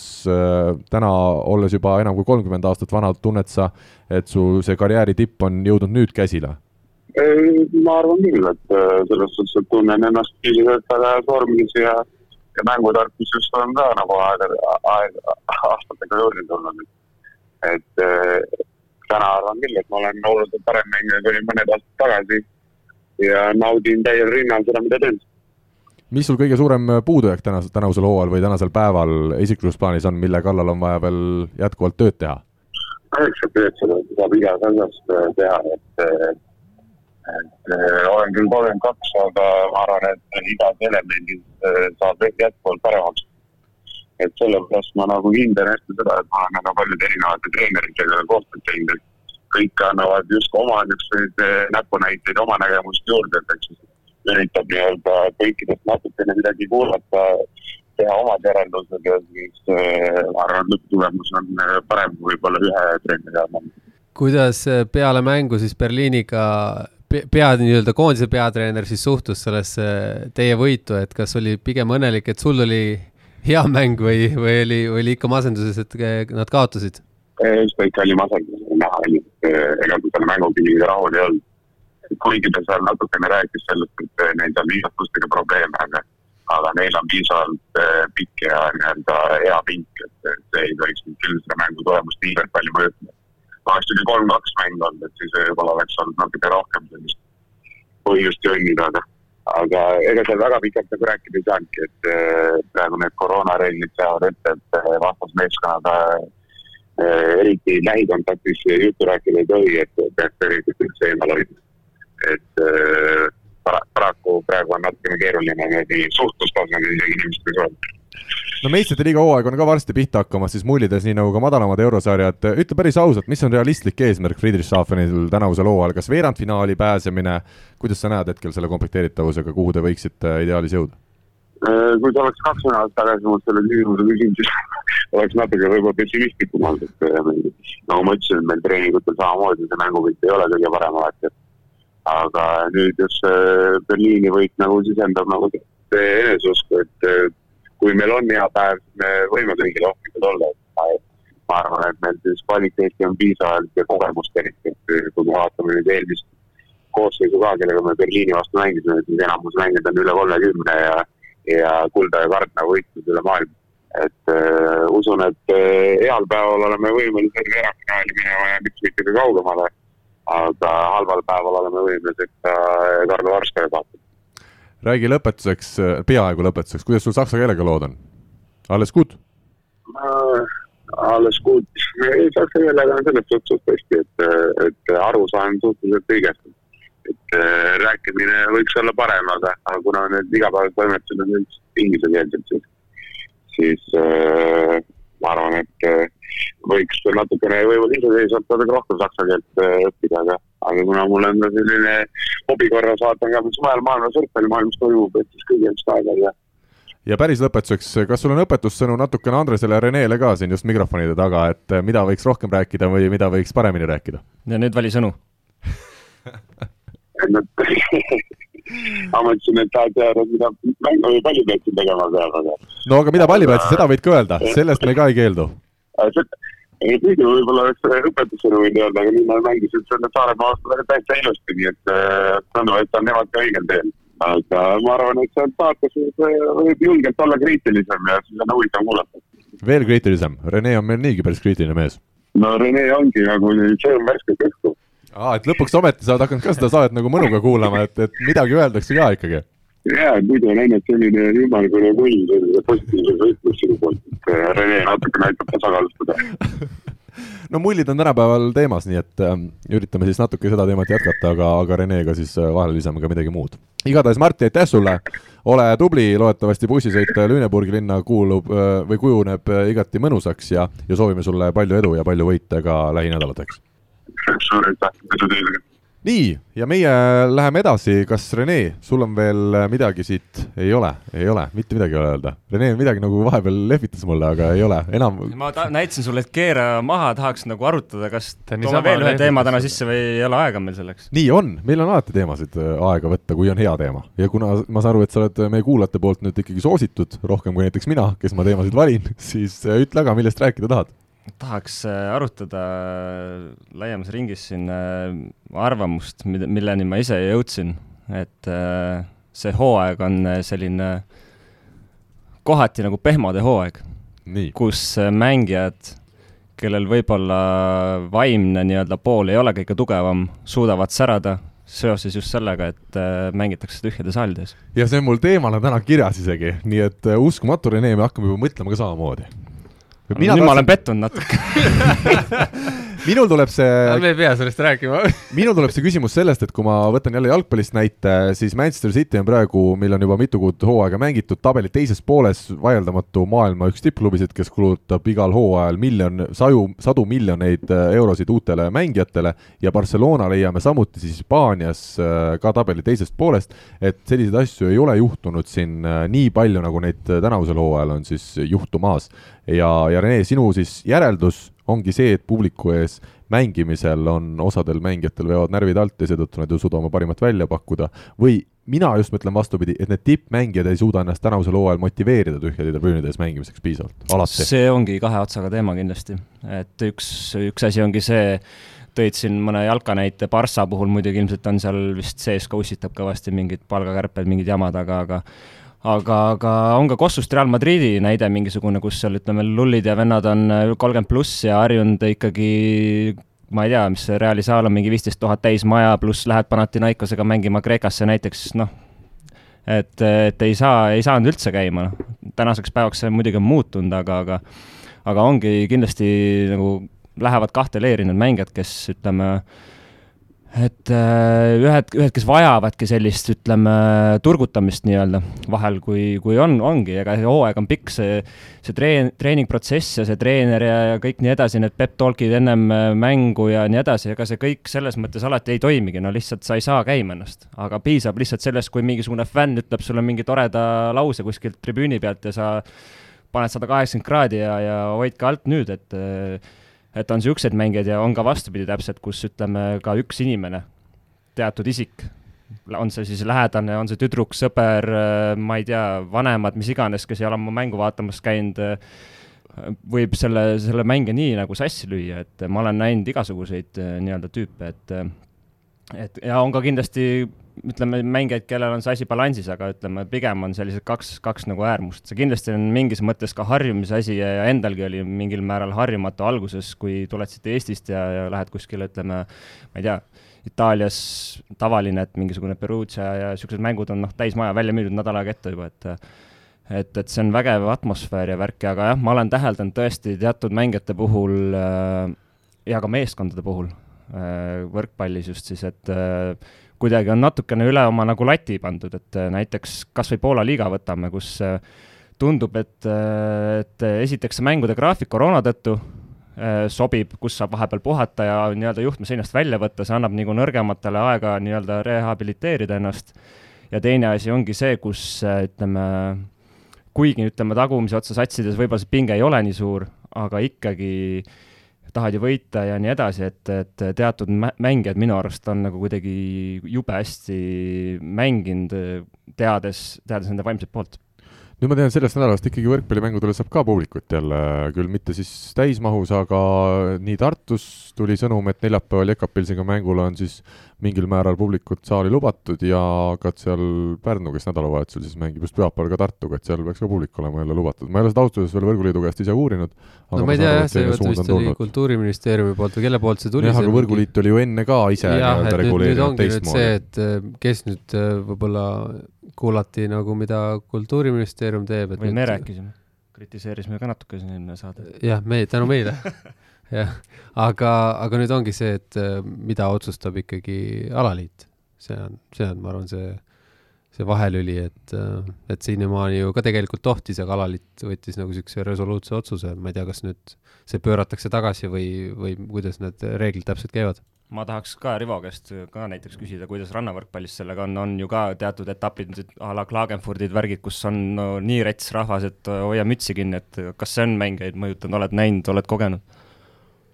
ikka on jah, mõjutanud. me, vaata, me ei ole tühjade tribüünides mänginud ja sellega ma ei saa võrrelda.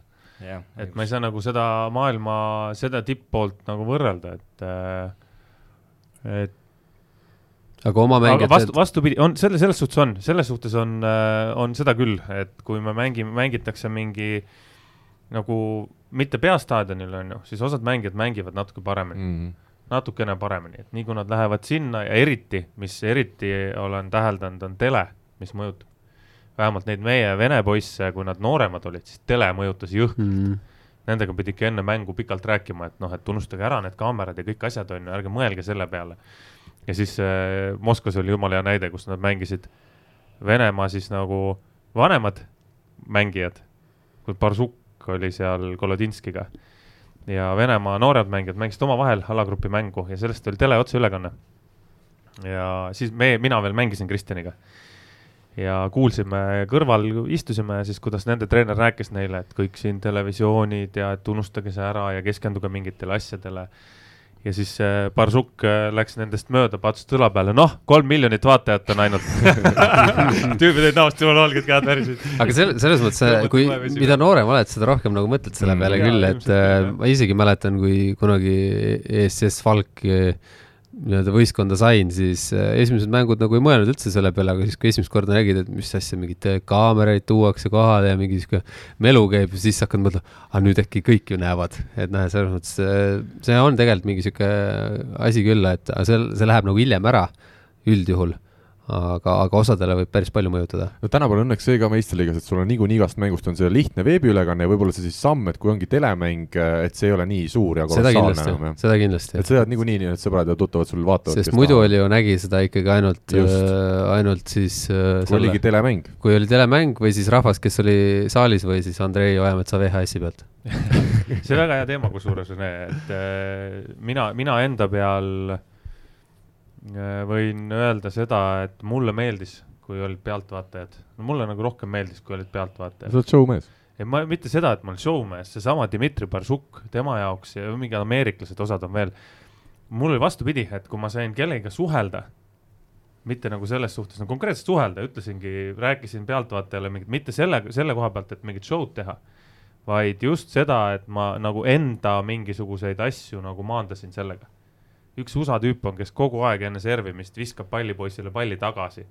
Ja, ja mingid sellised asjad, et mina arvan, et see on puhtalt enda nagu maha rahustamiseks, kuskile, kuskile mujale need mõtted, muidu oledki seal mängus sees oma mõtetega ja mõtledki üle, noh. ma tean, et Rene nüüd saab pahaseks sest see, mida ma räägin, puutub minusse endasse, aga kui me suvel mängisime rannavõrkpalli oma paaris ja Maarja Stepanoviga, siis kõige lihtsam mäng oli mul see, kui ma mängisin sinu, Rivo ja Sten Esna vastu seal Pärnus seda kvalifikatsiooni, kus meil oli tõesti umbes sadakond pealtvaatajat, see väike tribüün oli seal vaata et täis. see on sama teema, Karl, see on täpselt sama teema ja, ja sina suhtlesid täpselt samamoodi, et miks te just. mulle lainet ei tee. aga see ei olnud sellepärast, et lihtsalt teha nalja, onju. Mhm, jah. Oli, oli teema. ma tean, Renele ei meeldi see, aga jaa, aga, aga oli jah.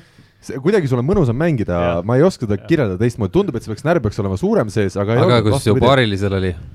paari on nii vaikne tüüp, et ma ei ole veel saanud lõpetas kõne. E-, ega see ongi, noh, selles mõttes võib-olla sulle sobis, võib-olla talle ei sobi. ei sobis, ei ta mängis ka okeilt, lihtsalt ta pidi terve mängu kahjuks tõstma, kuna need pagana Rivo ja Sten otsustasid enne mängu, nad panevad kõik servid mulle. tulemust me kõik teame pagana okay. hea tulemus oli. oli küll, jah. jaa, aga aitab sellest ja läheme siis tänase viimase teema ehk kuulajate küsimuste juurde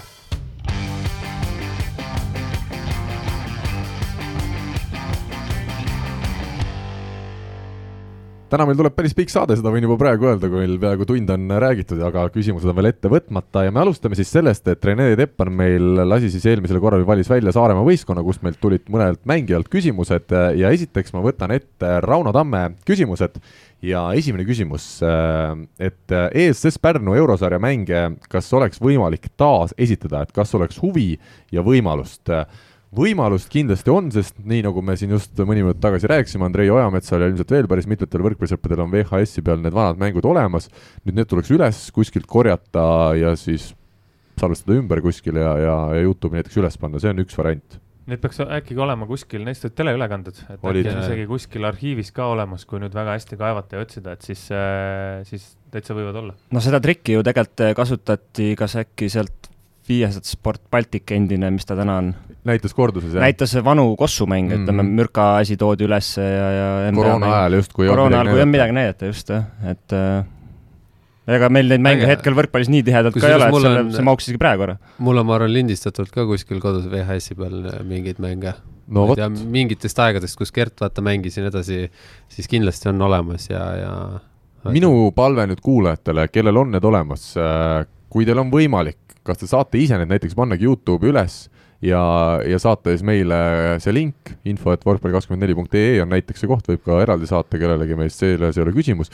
või siis, kui on tõesti mingit huvitavat materjali ja te ei oska seda ise kuidagi ümber salvestada, siis andke märku ja me tuleme selles suhtes appi ja ma arvan, et päris palju neid ägedaid mänge, kas või needsamad Pärnu kunagised meistrite liiga mängud, mida väga tahaks vaadata uuesti, mida pole ammu näinud vaata, keegi on, meist. et see Eesti-Poola mängu, see Youtube'i see viimase game'i see, seda hetki väga paljud räägivad, kuidas nad jälle, kui võrkpalliga midagi tahavad vaadata ägedat, siis Just. vaatavad seda. ma isegi vaatan ja siiamaani. siiamaani tuleb kananahk vahepeal jõule, sest ma, no ise olid sealsamas saalis ka muidugi see hetk on ju, siis vaatad veel nagu kaamera pilgu läbi, et no ikka oli vägev küll, et äh, et muidugi nüüd ei mäletagi osa neid, neid ESS-i mänge, aga noh, tegelikult on täiega äge oleks. Lembitu Kuuse ja Karavajev olid seal kommenteerimas seda vist, seda Poolaga mängu. just, jah.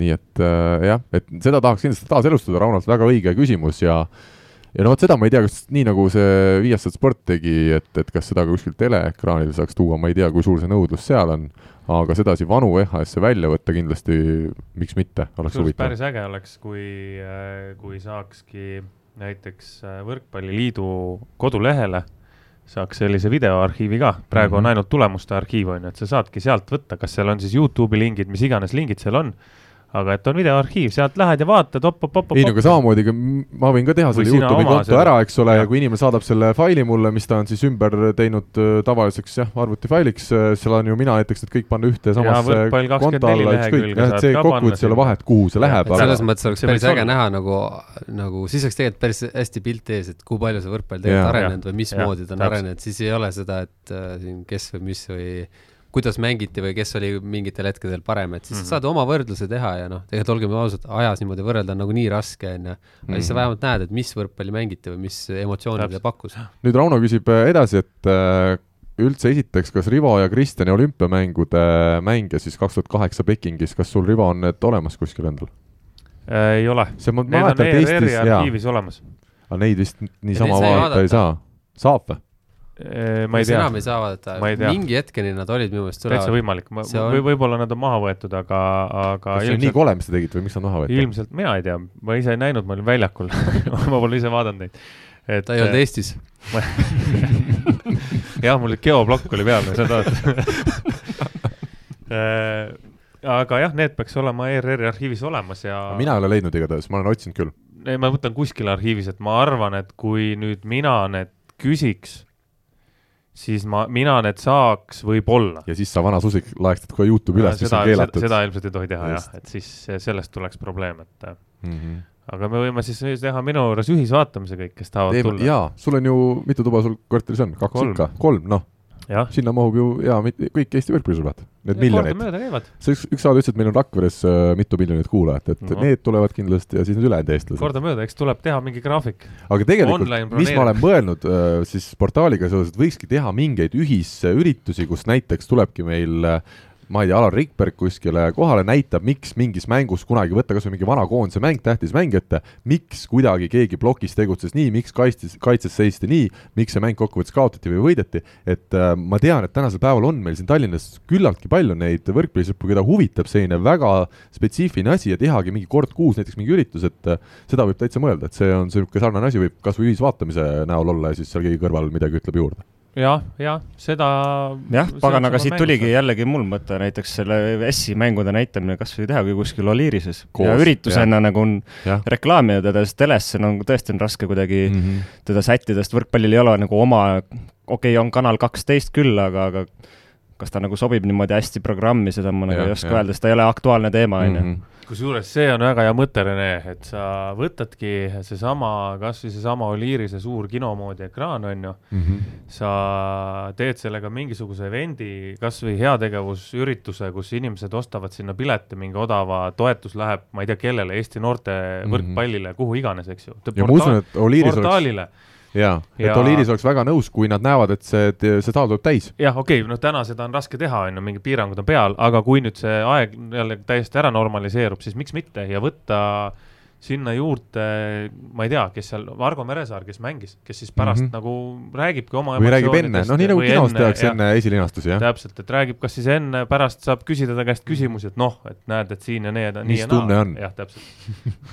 nii, aga teine asi siis, Rauno vist ka tahtis teada saada, et ikkagi Rivo, sa natuke meenutaksid neid olümpiamänge äh, laiemalt kaks tuhat kaheksa, kui te Kristjaniga seal mängisite. ma mäletan, mul oli jube kahju, mul on siiani meeles, mul oli jube kahju, kui ma sain teada, et sul oli mingi vigastus tekkis olümpial eel ja, ja sa ei saanud seal ikka päris täiega mängida. mm. -hmm. jah, no mis seal äh, selles suhtes meenutada, et ta on äh, kõige unikaalsem, noh, kõige sellisem suurem spordisündmus üldse, et kui ma räägin sellest, et me oleme mänginud ju kas viis või kuus korda MM-i finaalis ja mingi üksteist korda äkki EM-i finaalis on ju.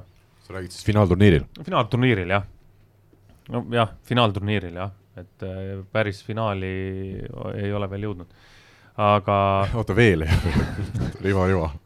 Plaani- vali, vali sõnu, nagu Rene ütles siin Martile enne. veter-, veteranide mm, nii, aga jah, see feeling oli hoopis teine, et kogu see olümpiakülla juba saabumine ja sa näed, seal on sul neliteist tuhat sportlast kõik koos ja ja näed inimesi võib-olla, kes, kes, keda sa muidu oled harjunud nägema telekast, on ju. keda sa nägid? ma ei tea, Gerd Kanterit. Gerd, Gerd Kanter. no mingi näiteks kõige parem näide, kõige parem näide selle asja juures oli see, et äh, et tuli USA koondis, USA Kossu koondis tuli olümpiakülla, nad elasid kuskil mujal. Tulid olümpiakülla, kõik seal läksid sinna sööklasse sööma, kus teised kõik söövad, eks ju. Need tüütasid, inimesed tüütasid neid seal, käisid autogramme küsimas la la la la la la la, mina sõin sealsamas, sõin ära, läksin minema. ja siis seesama õhtu, kui see USA Kossu koondis oli juba läinud läksin äh, lihtsalt jalutama sinna olümpiakülla ja vaatama ja ja jalutasin ja vastu tuli äh, selline mees nagu Dwayne Wade, täiesti nagu üksinda jalutas seal, klapid olid peas, midagi hängis. Keegi teda ei tüütanud, keegi teda seal pimedas ära ei tundnud, kõik jalutasid omaette, olid äh, olid äh,, oli nagu täiesti tavaline inimene, no kes, kes ta ka on, on ju, tavaliste inimeste seas on ju, mina läksin mööda, ütlesin talle tere, viisakalt. Eesti keeles. tere vastu, jah uskumatu. what you, tema, was nothing ja läksime oma teed, onju. Big money. ja, ja, ja see, see pool oli esimene juba, kus äh, nägid, kus tekkis selline nagu mingisugune olümpiatunne. minul oli seal selles suhtes lihtsam olla, et ma olingi oma vigastusega ja see tõmbas nagu mingid pinged konkreetselt maha et niipidi ikkagi, jah? jah, ma olin endas ka sügavalt pettunud, kui ma sinna läksin, et äh, tulemust me püüdma läksime, aga, aga noh, kindel oli see, et, et seda tulemust me teha ei saa, mis me oleks saanud teha siis, kui me mõlemad oleks kui palju sind, sul oli, kas hüppeliigese vigastus või? mul oli hüppeliigese vigastus ja mul mõlemad hüppeliigesed tegelikult. mis sul juhtus siis enne seda või kas see oli konkreetne mingi äh, moment, kus nad läksid või, või oli see mingi Jah. üle, ületreenitus või? ei olnud Audentese vana hea jõusaal ja, ja mul oli mingisugune füüsilise kava, mis oli ja see juhtus äkki juunis või? olümpia oli augustis. mul oli mingi füüsilise kava, mis mul oli siis nagu läbi tehtud juba selleks hetkeks. ja kuna mul oli aega veel üks viisteist minutit, siis ma mõtlesin, et äh, tunne oli väga hea, et ma panen ühe seeria kükke veel peale niisuguse väikse seeria. Ja, ja raskus oli mingi nelikümmend, nelikümmend viis kilo, Rene muidu naerab muidugi, et kavast tuleb kinni pidada, see on üks, mis kindel, mida ma sellest õppisin, et eh, ja tegin siis nagu kiiruse peale kükke. Ja kuna see kangi raskus oli ikka nii suur, et niisuguse mitte päris hüppesse ei läinud, aga kannad maast lahti, tõmbas tahapoole.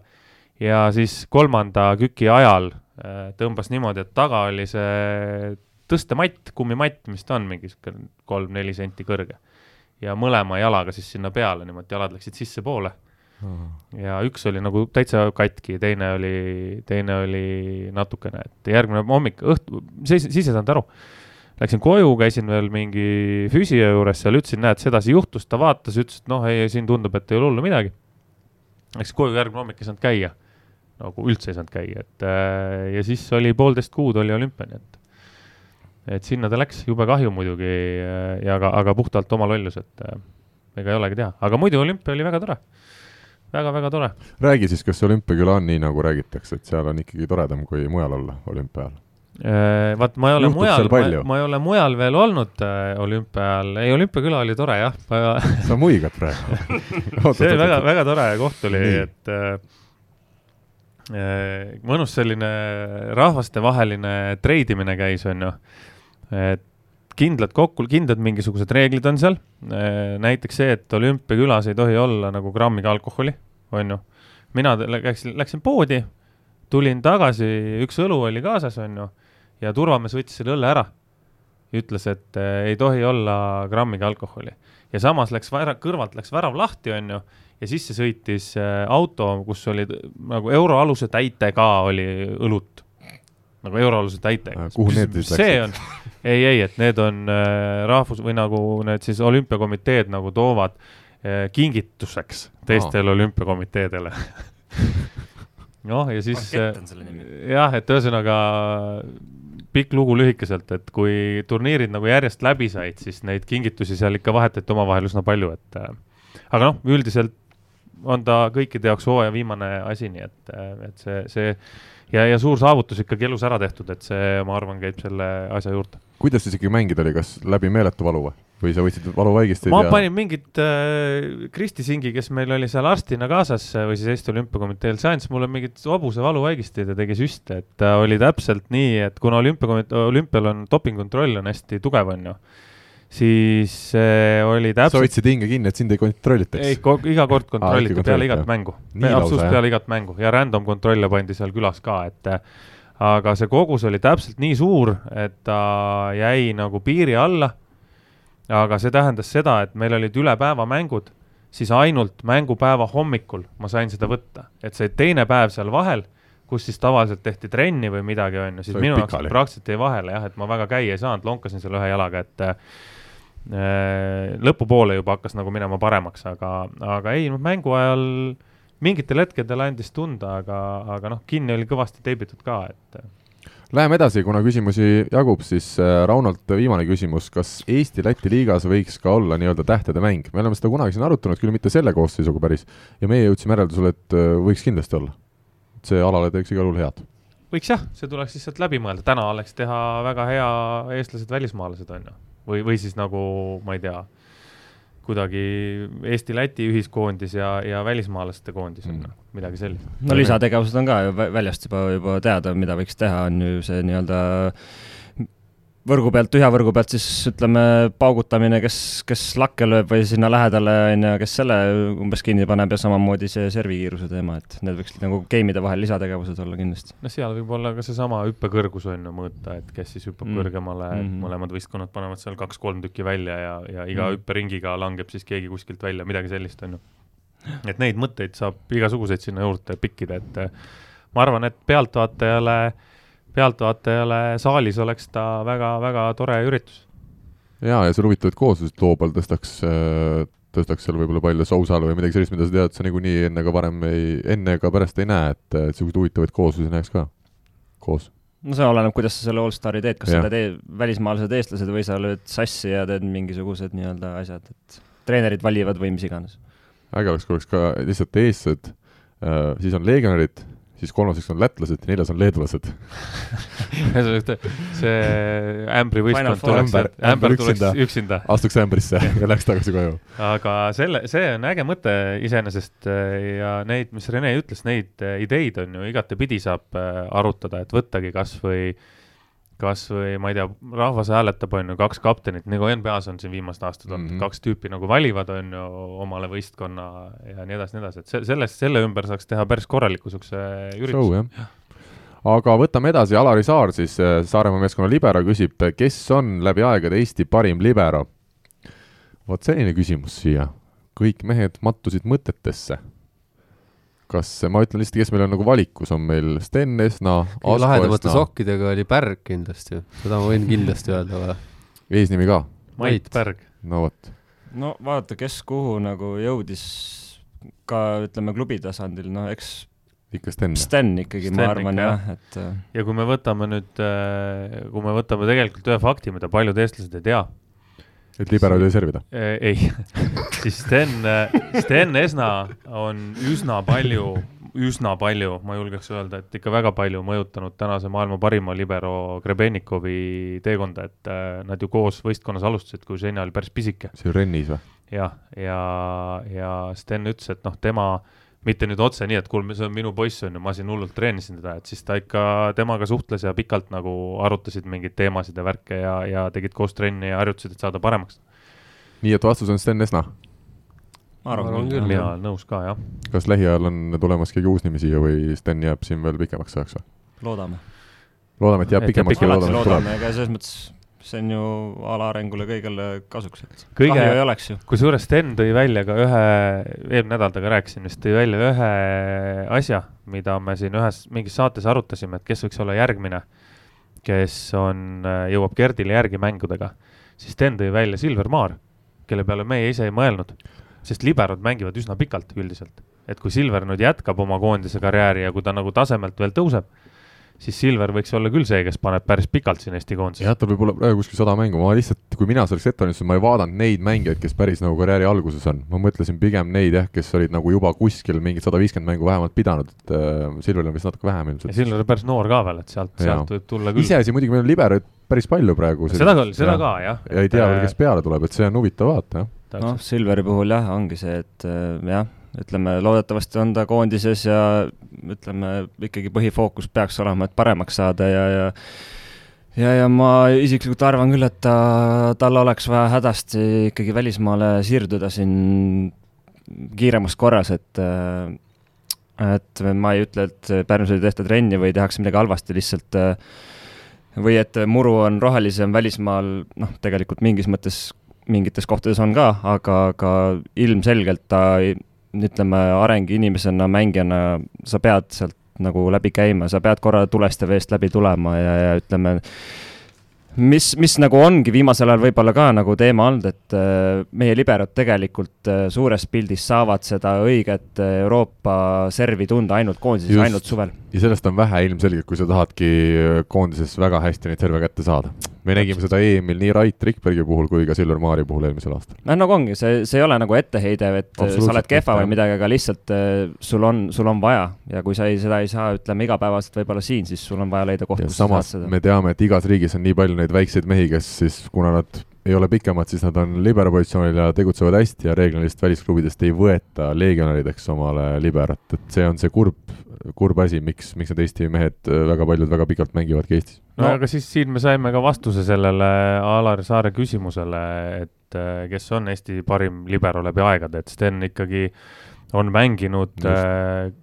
Noh, väga kõrgel tasemel võrkpalli välismaal, et äh, jah, aga ma näiteks ei, ma ei oskagi praegu välja tuua pärast nagu mingeid selliseid ambitsiooniga tegelasi ka, kes nagu väga ise oleksid nagu üritanud mingit maailma tipule väga lähedale saada ja, ja minna välja, välja. no Asko ja... lõpetas ju ära siis juba karjääri, kui ta tegelikult oli alles oma nii-öelda parimasse ikka Sten lõpetas täpselt samamoodi no just, ära, et oleks Sten edasi pannud äh, jätkanud võrkpalluri karjääri, siis ta oleks äh, ilmselt veel täna oma vanusega, kui ta oleks mängituks täna ka veel koondises. ja samas siis Rait Rikberg on vastupidine, kes siis pärast seda, kui Esnad ära lõpetas, et alles kerkis äh, koondises põhiliberoks ja alles siis kolmkümmend pluss vanuses oli, võib öelda, vähemalt koondise tasemel igal juhul oma parimas eas. noh, võib-olla väga karm lause praegu minu poolt, aga ma arvan, et tänu sellele, et Esnad lõpetasid, said Rait oma võimaluse, on ju, et äh, et päris, päris aus olla, siis äh, Sten ja Asko ikkagi olid, olid äh, paremad, kui on, on siiamaani ükski nagu liber olnud, et nii, siin on äh, selline küsimus, kes Itaalias liberatest on servimas käinud, ma ei tea, kas see on Teppanile, Renele küsimus, tunned sa siin ennast ära kuskil?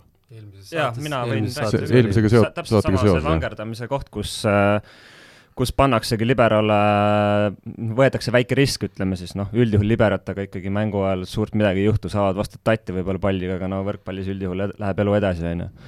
kui just Gröser meetri pealt sulle ei tõmba, et aga, aga ongi see, et pannakse nurgaründa või tavamängija nii-öelda särk selga ja, ja ja põhirõhk ei olegi sellel servil endal, kuigi seda harjutatakse ka trennis eraldi, vaid pigem just see, kus sa jääd siis ütleme, kui üldjuhul, noh, ilmselgelt tehakse tempo vastu see vahetus ära, et et see kaitsemäng peale seda servi. nii, aga kes siis servimas on käinud Itaalias? Liberatist äh,? viskab kohe ette, kuna Robbie oli Perugias eelmine aasta, siis ilmselgelt ma jälgisin neid mänge nii palju kui võimalik äh,. Nende teine libero näiteks käis mm, -hmm. pani, pani Planneri väljakule ja, ja ja jäi kaitsesse mängima, et äh, tihtipeale see isegi õigustas ennast, sai, sai ka kaitses kätte ja mäng läks edasi selles mõttes, et et jah, seda tehakse, aga ütleme, muul juhul seda ei juhtu. Ja viimane asi nüüd on minu lemmik Alari Saare repertuaarist ja siin on siis selline lause, suvel on hea Saaremaal, punkt, punkt, punkt ja meie peame nüüd kõik lisama sinna ise midagi juurde. mis siis on, suvel on hea Saaremaal? Rivo, sina kindlasti kohe sellise terase mõtlejana said kohe, saatsid kohe midagi meile anda. Kuulajatele, mida on Saaremaal hea suvel? suvel on Saaremaal hea? suvel on Saaremaal hea, kala näiteks on väga hea, ma see aasta Aha. käisin, oli väga maitsev. Hmm. nii, kas see oli Eesti kala? meie saate alguses see oli täitsa Eesti kala ja praetud räim, ühe tuttava koka tehtud ja ka purgitäie kuivatatud kala sain, mis oli tõesti väga hea. nii, äh, Andres, suvel on Saaremaal hea? Ma siis saan ainult öelda, ma ei tea, puhata või lihtsalt olla, sellepärast et minu jaoks on juba iga suvi nüüd vähemalt siis üksteist aastat on, on alati seal vähemalt paar nädalat oldud äh, siinkohal tervitan kihelkonna rahvast. et äh, on sihuke, sihuke koht, kus saab äh, reaalselt panna enda võib-olla isegi jah, nädalaks-kaheks lihtsalt telefoni kuhugil niimoodi, et sa ei pea isegi seda vaatama ja, ja sa eladki selles rütmis, mis seal on, see nii-öelda meri ja loodus, et, äh, et minu jaoks sihuke väga spetsial koht. nii, nüüd on, nüüd ka Muhu. ja Rene, suvel on Saaremaal hea? näiteks saartel külas käia tuleb välja sellest suvest, et äh, väga, väga mõnus perekond, väga külalislahked inimesed äh,. ja, ja väga mõnus oli see suvi seal, seal olla jah, et äh, pole väga tihti, ütleme, vabast ajast käinud ei Saaremaal, ei Hiiumaal, et äh, et eks sellel on omad mingid põhjused ka, väga tihedad on need äh, aastad siin olnud, viimased kuus vähemalt, et äh, et, et võib-olla kui siis kunagi perega, vanematega kui veel ei elanud nii iseseisvat elu, siis küll jah, aga ütleme, viimasel ajal tahtmist on olnud, aga, aga ei ole seda aega leidnud kahjuks. ja mina ütlen siis nii, et suvel on Saaremaal hea, eriti hea hiidlastele nalja visata ja mõelda sellele, et äh, pimedal talvel ei pea siin Saaremaal olema väga palju. vot. vot küll vist, jah. Äh, läheme edasi ja nüüd on meil siis Saaremaa klubi küsimused võetud ja Vallar küsib siis meil järgnevat asja, võrkpallireeglid ei luba, ilmselt ta paneb sulgudesse, füüsilist kokkupuudet vastasmeeskonna mängijaga. ma mõtlen mängu ajal noh, mänguväliselt muidugi võid kakelda nii palju, kui tahad. korvpallis ja jalgpallis on see aga paratamatu mängu osa, mis annab võimaluse vastasmängijat füüsiliselt mõjutada. seega on võrkpallis tõenäoliselt ainuvõimalik vastase psüühiline mõjutamine läbi võrgu. palun saateosalistel öelda, milline on päris elu võrgu ääres. kas tegelikult ka vastastele midagi öeldakse, tehakse grimasse, näidatakse näpuga ja nii edasi. kas see on ka võrkpalli üks mängu elementidest ja mis tasemeni see on lubatud, kui üldse?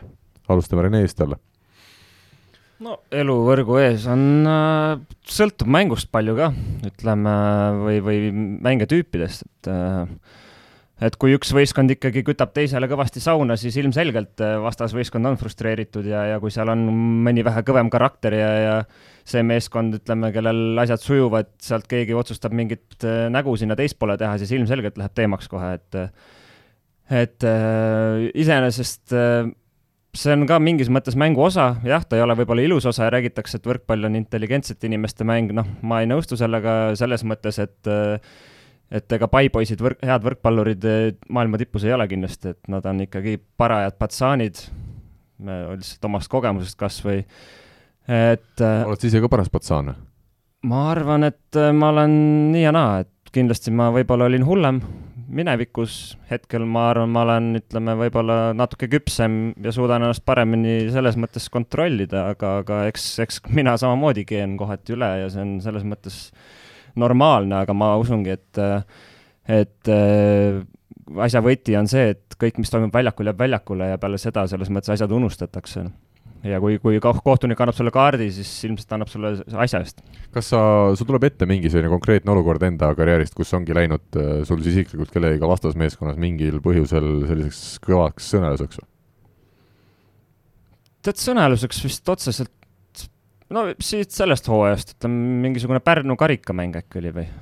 et, et äh, midagi see Plataks seal ründas, kas äkki ta küsis mingeid näppe seal, lõi küll, selles mõttes vilistati out'i, tema arust vist läks meie ploki kätest midagi, siis ta jäi sinna väga nagu bravuurikalt seisma ja midagi vehkima, meie meeskond nagu tuli kokku, aga mina nagu nägin, ma olin sellises nii-öelda positsioonis, et ma nägin, kuidas ta käitus.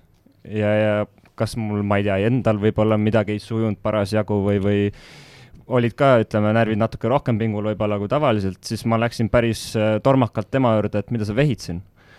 Et, et aga, aga jaa, äh, noh, ma arvan, et äh, on ka niisuguseid mängijaid, kes nagu tõmbavad tüli ülesse, aga nad ei ole piisavalt mehed, et seal see asi ise ka nagu lõpuni vaielda seal või, või teha, et et siis, kui läheb jamaks, siis nad on kuidagi kadunud sealt, et, et niisugused mehed on ka olemas, aga ütleme, need ei ole õiged mehed nii, väga hea vastus, läheme edasi, ma arvan, kuna meil on siin küsimusi palju. Anna Miilits ütleb meile nii, olen podcasti loomisest alates olnud tulihingeline kuulaja ja ükski osa vahele ei jää. jõudu ja jaksu selle laheda ettevõtmise vedamisel ka edaspidi. aitäh, Anna, ja proovime siis äh, sinu äh, soove täita. räägime natukene Tallinna rannahallidest, on siis tema teemapüstitus. miks kastetakse Ülemiste hallis liiva ja terases seda ei tehta? nii, need on nüüd Rivo, Rivo muigab ma ei tea, kas ma olen õige inimene seda kommenteerima. nii, aga proovime, proovime. noh äh,, Anna, siin on väga lihtne põhjus, et äh,. anna andeks. et need on täi-, kaks täiesti erinevat, erineva funktsiooniga saali, et teie vaatate mõlemat kui võrkpalli mängimise kohta, on ju, siis tegelikult teras on ehitatud äh, ka sellele, et seal on võimalus teha erinevaid üritusi. näiteks Mart Tiisaare pulma. jah äh,, kus oli väga tore õhtujuht kusjuures väga-väga tore. ja, ja ta ongi ehitatud selle mõttega ja seal on lihtsalt äh, teistsugune liiv. Ülemistes peab liiva kastma, kuna, kuna see liiv hakkaks muidu nii hirmsalt tolmama, et, äh, et see ei oleks enam väga tervislik, et äh, neil ei ole, ei ole seal muud varianti lihtsalt hetkel, et see liivavahe ongi see, see, mis, mis nüüd tekitab ühes tolmu ja teises mitte. oota, teie üldse terases ei kasta või? Me ei kasta praktiliselt üldse jah, me, kui on suuremad üritused, pikemad äh, mingisugused. puhastate lihtsalt? jah, me laseme korra veega üle niimoodi umbes pooleteist kuu jooksul. umbes. nii, aga Anna on ikkagi pühendunud oma küsimustele. teine küsimus, miks on valitud terase sisetemperatuuriks just kakskümmend kuus kraadi ja mitte näiteks kakskümmend üks või kakskümmend kolm kraadi? päris lihtne põhjus, sest äh, kahekümne ühe kraadiga hakkab inimestel külm ja kui meie, te, te teete spordi ära ja meie, meie eesmärk ei ole see, et inimene tuleb, teeb spordi ära ja läheb duširuumi ja koju, et meie eesmärk on see, et inimene saaks nautida, tulla mängida palli ja pärast istuda sõpradega, rääkida juttu, kas siis sauna ees, ruumi ees või, või kuskil mujal, et ja teine väga lihtne põhjus on see, et me lihtsalt saame seda teha, kuna meie liiv ei tolma. et kui Ülemistes köetakse kahekümne kuue peale, siis see on, see tolm, mis sealt hakkab tulema, see on, see on pöörane, et nii ongi. Ja, ja noh, ütleme kolmanda põhjuse ka ära siis, et tegelikult äh, kakskümmend üks kraadi sees sooja, see tähendab seda, et põranda soojustusega, kui seda kütta, on, on selline noh, temperatuur põrandal on, äh, on natukene, natukene jahedam ja inimese jalg hakkab tundma sooja kas äkki kahekümne kahe koma kolme kraadi pealt, nii et varbad hakkavad külmetama.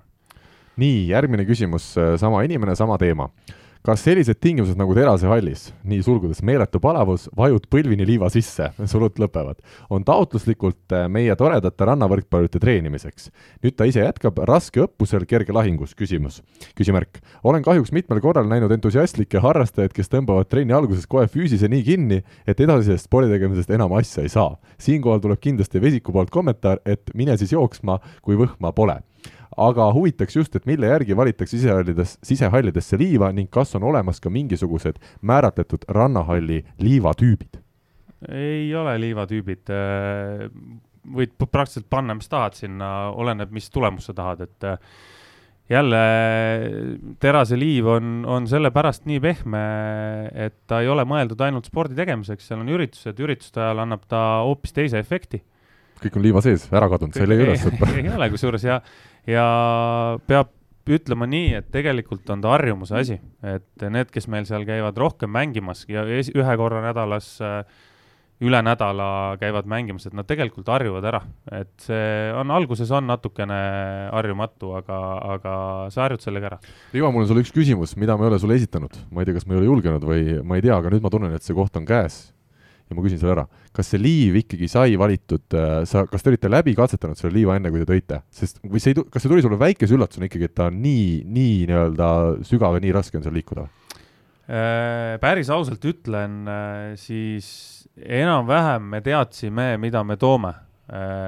Seda ei saa kunagi ette ennustada, mis tast nagu päris lõpuks saab.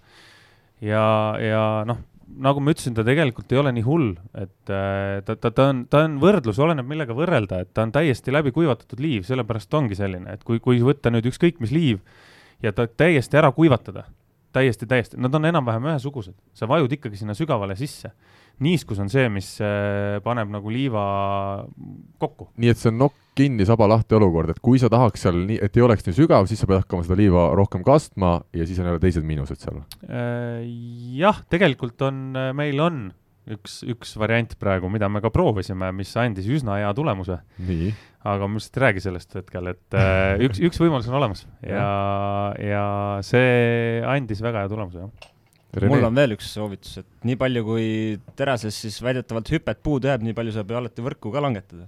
on jälle probleem. mängid rannatennise võrgu ei, ei, mängivad, väga hästi öeldud, osad tulevadki, mängivad, et, et see ei ole mõeldud, see ei ole, teras ei ole ka mõeldud nagu ulmes profispordi jaoks, et igaüks võiks ikkagi oma ego natukene, oma ego natukene langetada, et kui sa ikka ei jaksa selle meeste võrgu peal mängida, see ei ole ju mõte, noh lasegi madalama, osad seltskonnad on konkreetselt, tulevad neli-neljaga mehed mängima, nüüd küsin, et noh, et mis võrku tahad, pane mingi niisugune naiste-meeste vahepealne, et ega mm. me ju tahaks nagu midagi teha, et ega me mingi profid ei ole, on ju, et see on, ongi selline fun imise koht mina kiidan Annat, väga head küsimused minu arust ka ise, ütleme, rannavõrkpalliga tegeledes rohkem niisugused äh, asjad, mis tõesti huvitavad ja ma usun, et kuulajaid, keda see huvitas, oli veel ja Rivo väga hästi lahe äh,, vastas nendele ka. nii, aga nüüd meil on üks küsimus, mis tegelikult tuli juba mitu nädalat tagasi, mis on suurepärane küsimus, sest see küsija on ilmselgelt keskendunud selle küsimuse esitamisele ja, ja pühendanud oma aega sinna küsib siis Marek, meie saatekuulaja. tänan, et peate üleval nii head võrkpalliportaali ja teete Kuldse Game'i saadet. kuulan seda iga kord, soovin küsida teilt ja saatekülalistelt. kui ajamasinaga saaks turniirile tulla allolevad võistkonnad oma tollaste koosseisudega, siis mis tulemusega turniir lõpeks?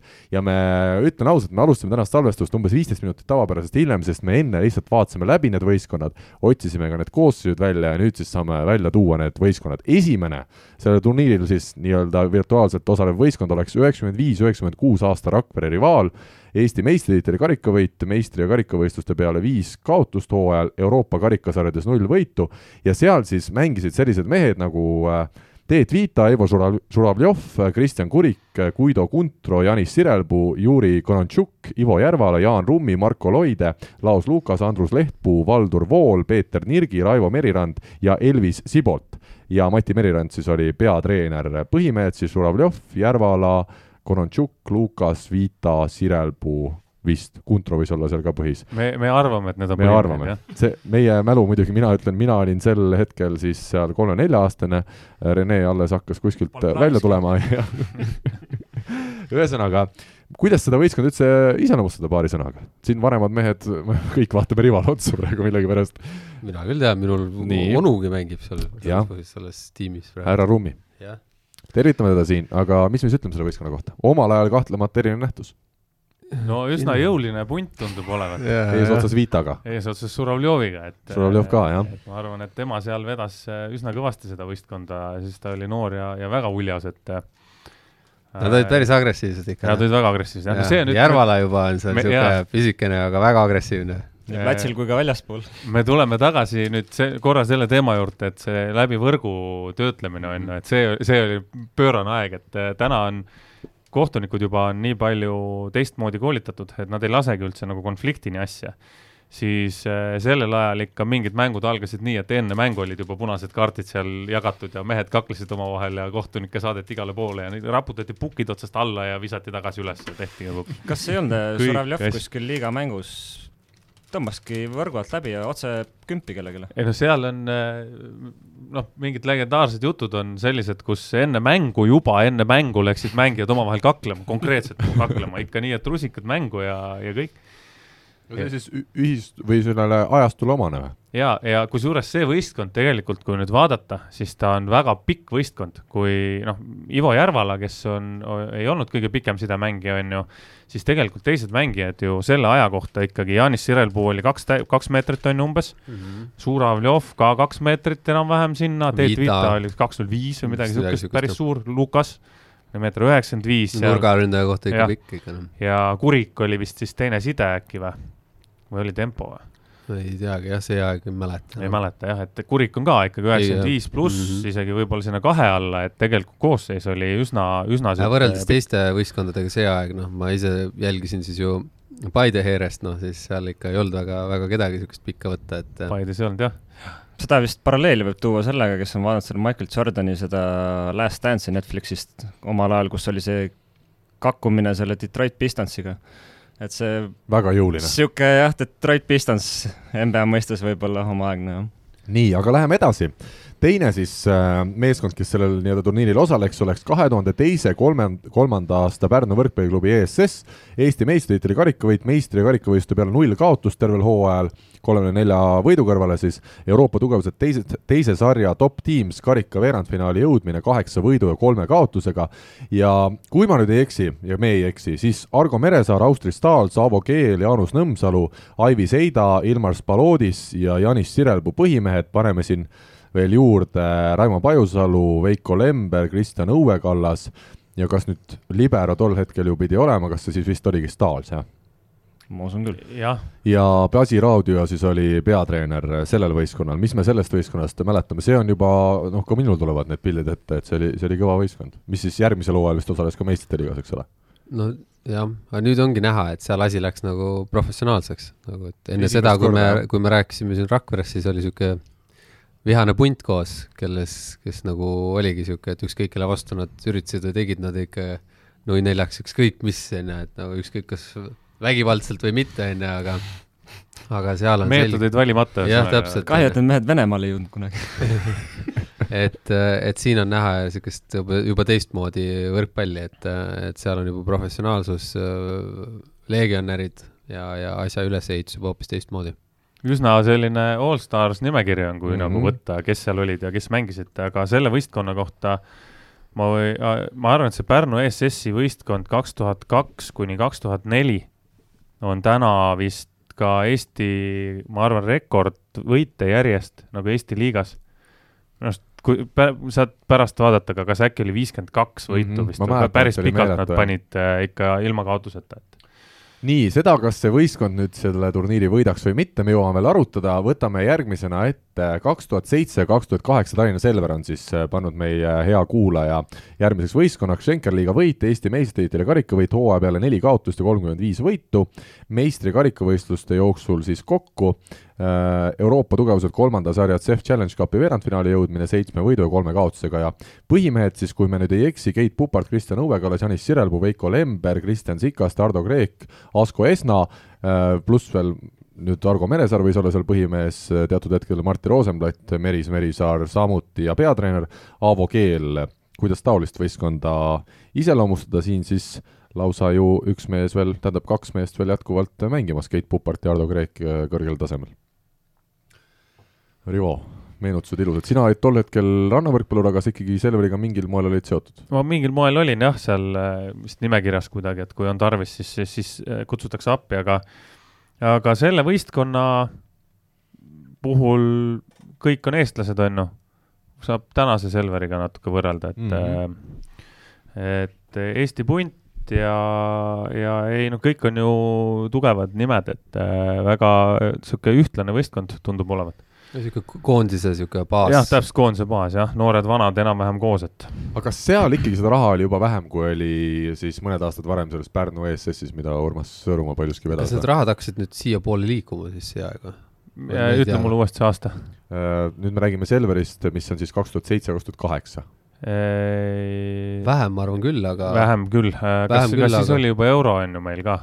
ei, ei, ei, ei olnud, ikka kroon, ja, ja kõvasti vähem, kõvasti vähem. See... ja seda küll, need, ma arvan, et need Eidad ja muud mehed, need ikka said ikka normaalselt seal, et äh, nüüd nagu, kui on eestlased, siis võib-olla tõesti nii palju ei olnud seda raha aga palgad olid selles suhtes ikkagi korralikud. kas see vastab tõele, et Pärnu ESS-is, mina neid aegu ei mäleta, mingid mängijad said siis noh, okei okay,, oli krooni aeg, aga rohkem palka, kui tänasel päeval saavad meie paremad mängijad absoluutselt. ongi no, nii? absoluutselt kõvasti kõvasti rohkem. kui me võtame kuskil... selle vana, vana krooni aja kursiga, siis sai kõvasti rohkem. et kuskil kuuskümmend tuhat kuus oligi, võis olla meeste palk või?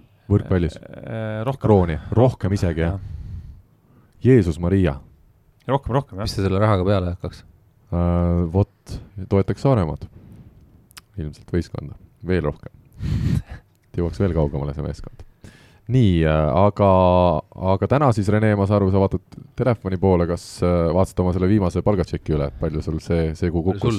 ei, ma üritasin leida seda, seda Pärnu, seda euro, eurosarja seda nii-öelda tegevust, et äh, kas nad mängisid siis tugevuselt siis nagu tänapäeva CEF Cupi või, või Challenge Cupi, ilmselt ikkagi seda teist, sest CEF, sest siin on kirjas CEF, jah ja. ja. muidu nad oleks vist ka meistriliigasse, ma arvan, saanud äkki järgmises jah, ja täpselt, täpselt, täpselt, täpselt, jah. okei okay., ja võtame nüüd neljanda meeskonna, mis on siia juurde pandud, kaks tuhat seitseteist, kaheksateist Saaremaa võrkpalliklubi, Schenker-liiga võit, Eesti meistritiitli karikavõit, hooaja peale kolm kaotust, nelikümmend kaks võitu Euroopas ei osalenud, kuidas saaksid neile võistkondadele vastu tänased Saaremaa, Selver, Tartu, on siis see üldküsimus, aga veel siis selle Saaremaa kaks tuhat seitseteist, kaheksateist võistkonna osas loeme ette Aleksander Tuš, Indrek Pulk, Toomas Alanda, Rauno Tamme, Johan Vahter, Alari Saar, Konstantin Rjabuha, Mihkel Tanil olid need ja Siim Põlluaar loomulikult ka olid siis need mehed, kes peamiselt seal mängisid, Urmas Tali kõigi kolme tiitlini võistkonna viis. Kuidas seda võistkonda, mina ütleks, või noh, me juba enne kõik koos leidsime, et tänavune Saaremaa meeskond ikkagi tugevam ilmselt, kui see oli vahetaks ära jah, sinna paneks ja. virtuaalturniirile siis tänase Saaremaa võistkonna hmm.. aga, aga paneme siis või? no paneme. nii, aga hakkame võrd-, või võrdlema, no oletame, et äh,, oletame, et need kaks vanemat võistkonda lähevad siis omavahel kokku poolfinaalis. kas Pärnu me oletame kohe lõpuni ära, kes võidab või, äh, või teeme poolfinaalid läbi? teeme poolfinaalid läbi nii Rakvere ja Pärnu, Rakvere mehed küll palju kaklevad seal ja, ja võitlevad ja, ja on pikad ka ja plokis on head, aga kokkuvõttes kolm. küsimus, ei, ei küsimus, mitu Pärnu meest mängul jõuab niipidi, ossa-saa. väljakule siis? jah, aga no, eeldame, et kõik eeldame, et kõik sel juhul ilmselt ikkagi Pärnu võidaks kolm-null, ma eeldan. jah, üsna lihtne. ühist riietusruumi ei tohi kindlasti olla siin Nii. ei ole küsimust ka. ja teine poolfinaal siis tuleks meil äh, see Tallinna Selver kaks tuhat seitse, kaks tuhat kaheksa ja meie ikkagi valisime nüüd siis kaks tuhat kakskümmend, kakskümmend üks Saaremaa võistkonna, vot aga kumb siit nüüd edasi pääseks? kas Pupartid, Kreegid, Õuekallased, äh, Lemberid, Siklased Pupart, Puparti vastu tuleb siis praegu enne. kumb nurgast parem oleks, kumb Pupart äh,? 2000... mina pakun seda vanakooli Selverit täna. jah, kuigi mäng on meeletult muud, kas me räägime meeskonnast tema oma ajastul nii-öelda taseme see ongi, see võrdlus on eluaeg üliraske on, kas ma ei tea, oma aja Larry Bird on täna Larry Bird, kui ta mängiks mm, -hmm. noh ja noh, siin jõuamegi selleni, mis oli saate alguses juttu, et kui see selle aja Selver saab serve enam-vähem kätte, siis nad võidavad. see koosseis on lihtsalt nii hea. kas äh, teised on nõus või? ma ei teagi, ma ütlen, seda on väga-väga raske niimoodi ma ei julge kunagi paugutada nendel teemadel väga raske küsimus. paugutage ükskord elus. ei, ei, ma mõtlen, rahu, rahu et siin natukene analüü-, noh, analüüsida no., et ähm, selles mõttes ma ma ütleks Saaremaa, ma ei, ma ei saa, ma tean, et ma saan nüüd vastu päid ja jalgu, kui ma järgmine kord Õuekallast või Pupartit, või okei okay,, Pupart on okei okay,, rahul võib-olla, aga Kreek Pupart võidab nagunii Pupart on finaalis, see on selge, aga, aga jah, vot, aga teeme siis hääletuse see härra Vesik, jah, härra Vesik ütleb äh, Selver, mina jah. ütlen, et äh, tänavuse aasta Saaremaa. kuidas meil härrad paugutajad arvavad? noh, omal ajal muidugi see Selver tundus vägev ja, ja nii edasi, ise lihtsalt olid ka väga alles, onju. siis tundus kõik vägev, onju. aga paneme üks-üks võrdlusesse. paneme mängijate siis no, taseme. Äh, suudab midagi muuta, mina ei suuda ausalt, noh. ma ei tea jah, ma mulle endal ka jääb nagu, et äh, selles mõttes praegu tuleb teistmoodi seal mängus, ma ise olin see aeg ütleme kui... siis oma ajastu kui... kohta, ütleme nii, siis on lihtsam meil. oma oma ajastu ajastu kohta kohta. ma no arvan, et sa, ne- saad aru, raske on sellepärast ka, et Saaremaa selle aasta sats on alles alguses, nad ei ole Nõus., me ei ole hooaja lõpus, me ei ole ühtegi tiitlit välja jaganud, me ei ole mitte midagi selles Mhm. mõttes veel teinud, et selles sellega mõttes raske ennustada. äh, et Selveri, selle siis, mis oli kaks tuhat seitse, kaheksa aasta Selver tegelikult oli ju päris palju kokku mänginud juba ja, ja need mehed mängisid nii, nii klubis koos kui, kui, kui koondises koos, siis ma arvan, et kui mingit äh, niimoodi võtta, siis kvaliteedilt ma arvan, et nad võiksid isegi paremad olla, aga kui nüüd võtta seda, et et äh, Saaremaa saaks nagu nüüd pikemalt kokku, siis ma arvan, et nad oleks suht sarnased, aga pigem võib-olla isegi jah, jääks siis sinna, sinna Selveri selle. ei no Keit Pupart ütles, et kokkumäng on heade meeste puhul on olemas kohe alguses, et siin ei ole vaja midagi treenida.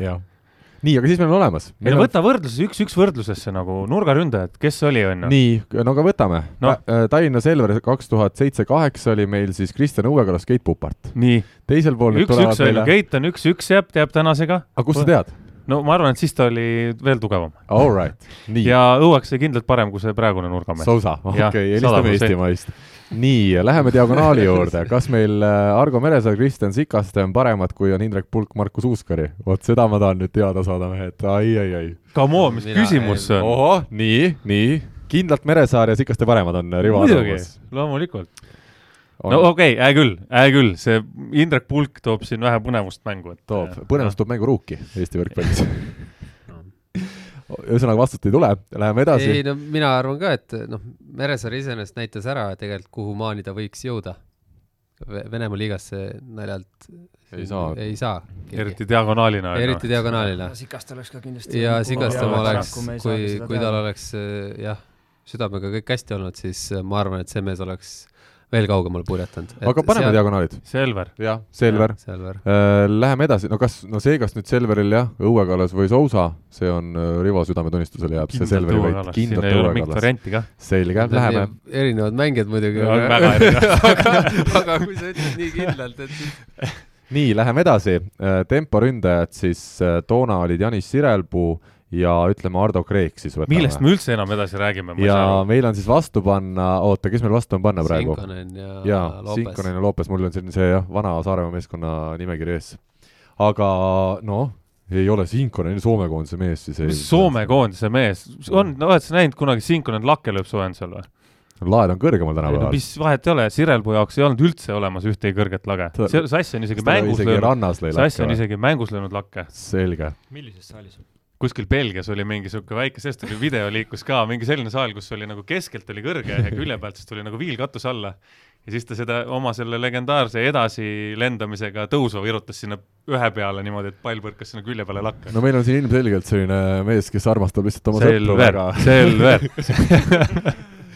nii, läheme edasi, võtame siis libera positsiooni, seal on meil äh, Vahter ja, Vahter ja Saar ja toona oli siis Asko Esna selles võistkonnas. no juba ma tean, mis Rivo tuleb, Asko Esna üle kõige, on ju? sa tahad ju sauna panna, saada Pärnusse tulevikus ka. midagi peab timmima jah, et saada.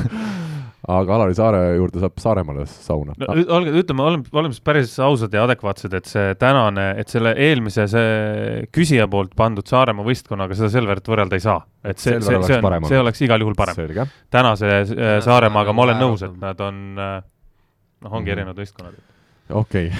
nii selline pöördemoment siis tekib. Veiko Lember sidemängijana vastu panna siis meil tänasest oleks Ales- Aleksander Duš, austraallane. kummale, kas külm dušš siin? austerlane siiski, endiselt. jah, ma Taustal ja ise arvan ka, et tegelikult noh, dušš on parem, ma arvan.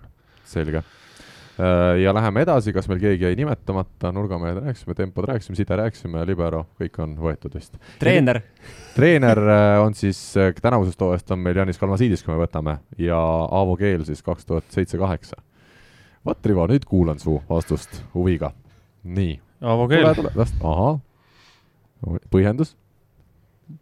Kaks tuhat seitse-kaheksa Aavo Keel ja tänast Aavo Keelt ei saa võrrelda, ma, mina, ja mina ei tea Kalmasiidist, mida ta kaks tuhat seitse-kaheksa oleks teinud. aga see vahepealne areng on ikkagi Afka suhtes äh, minu jaoks aus valik.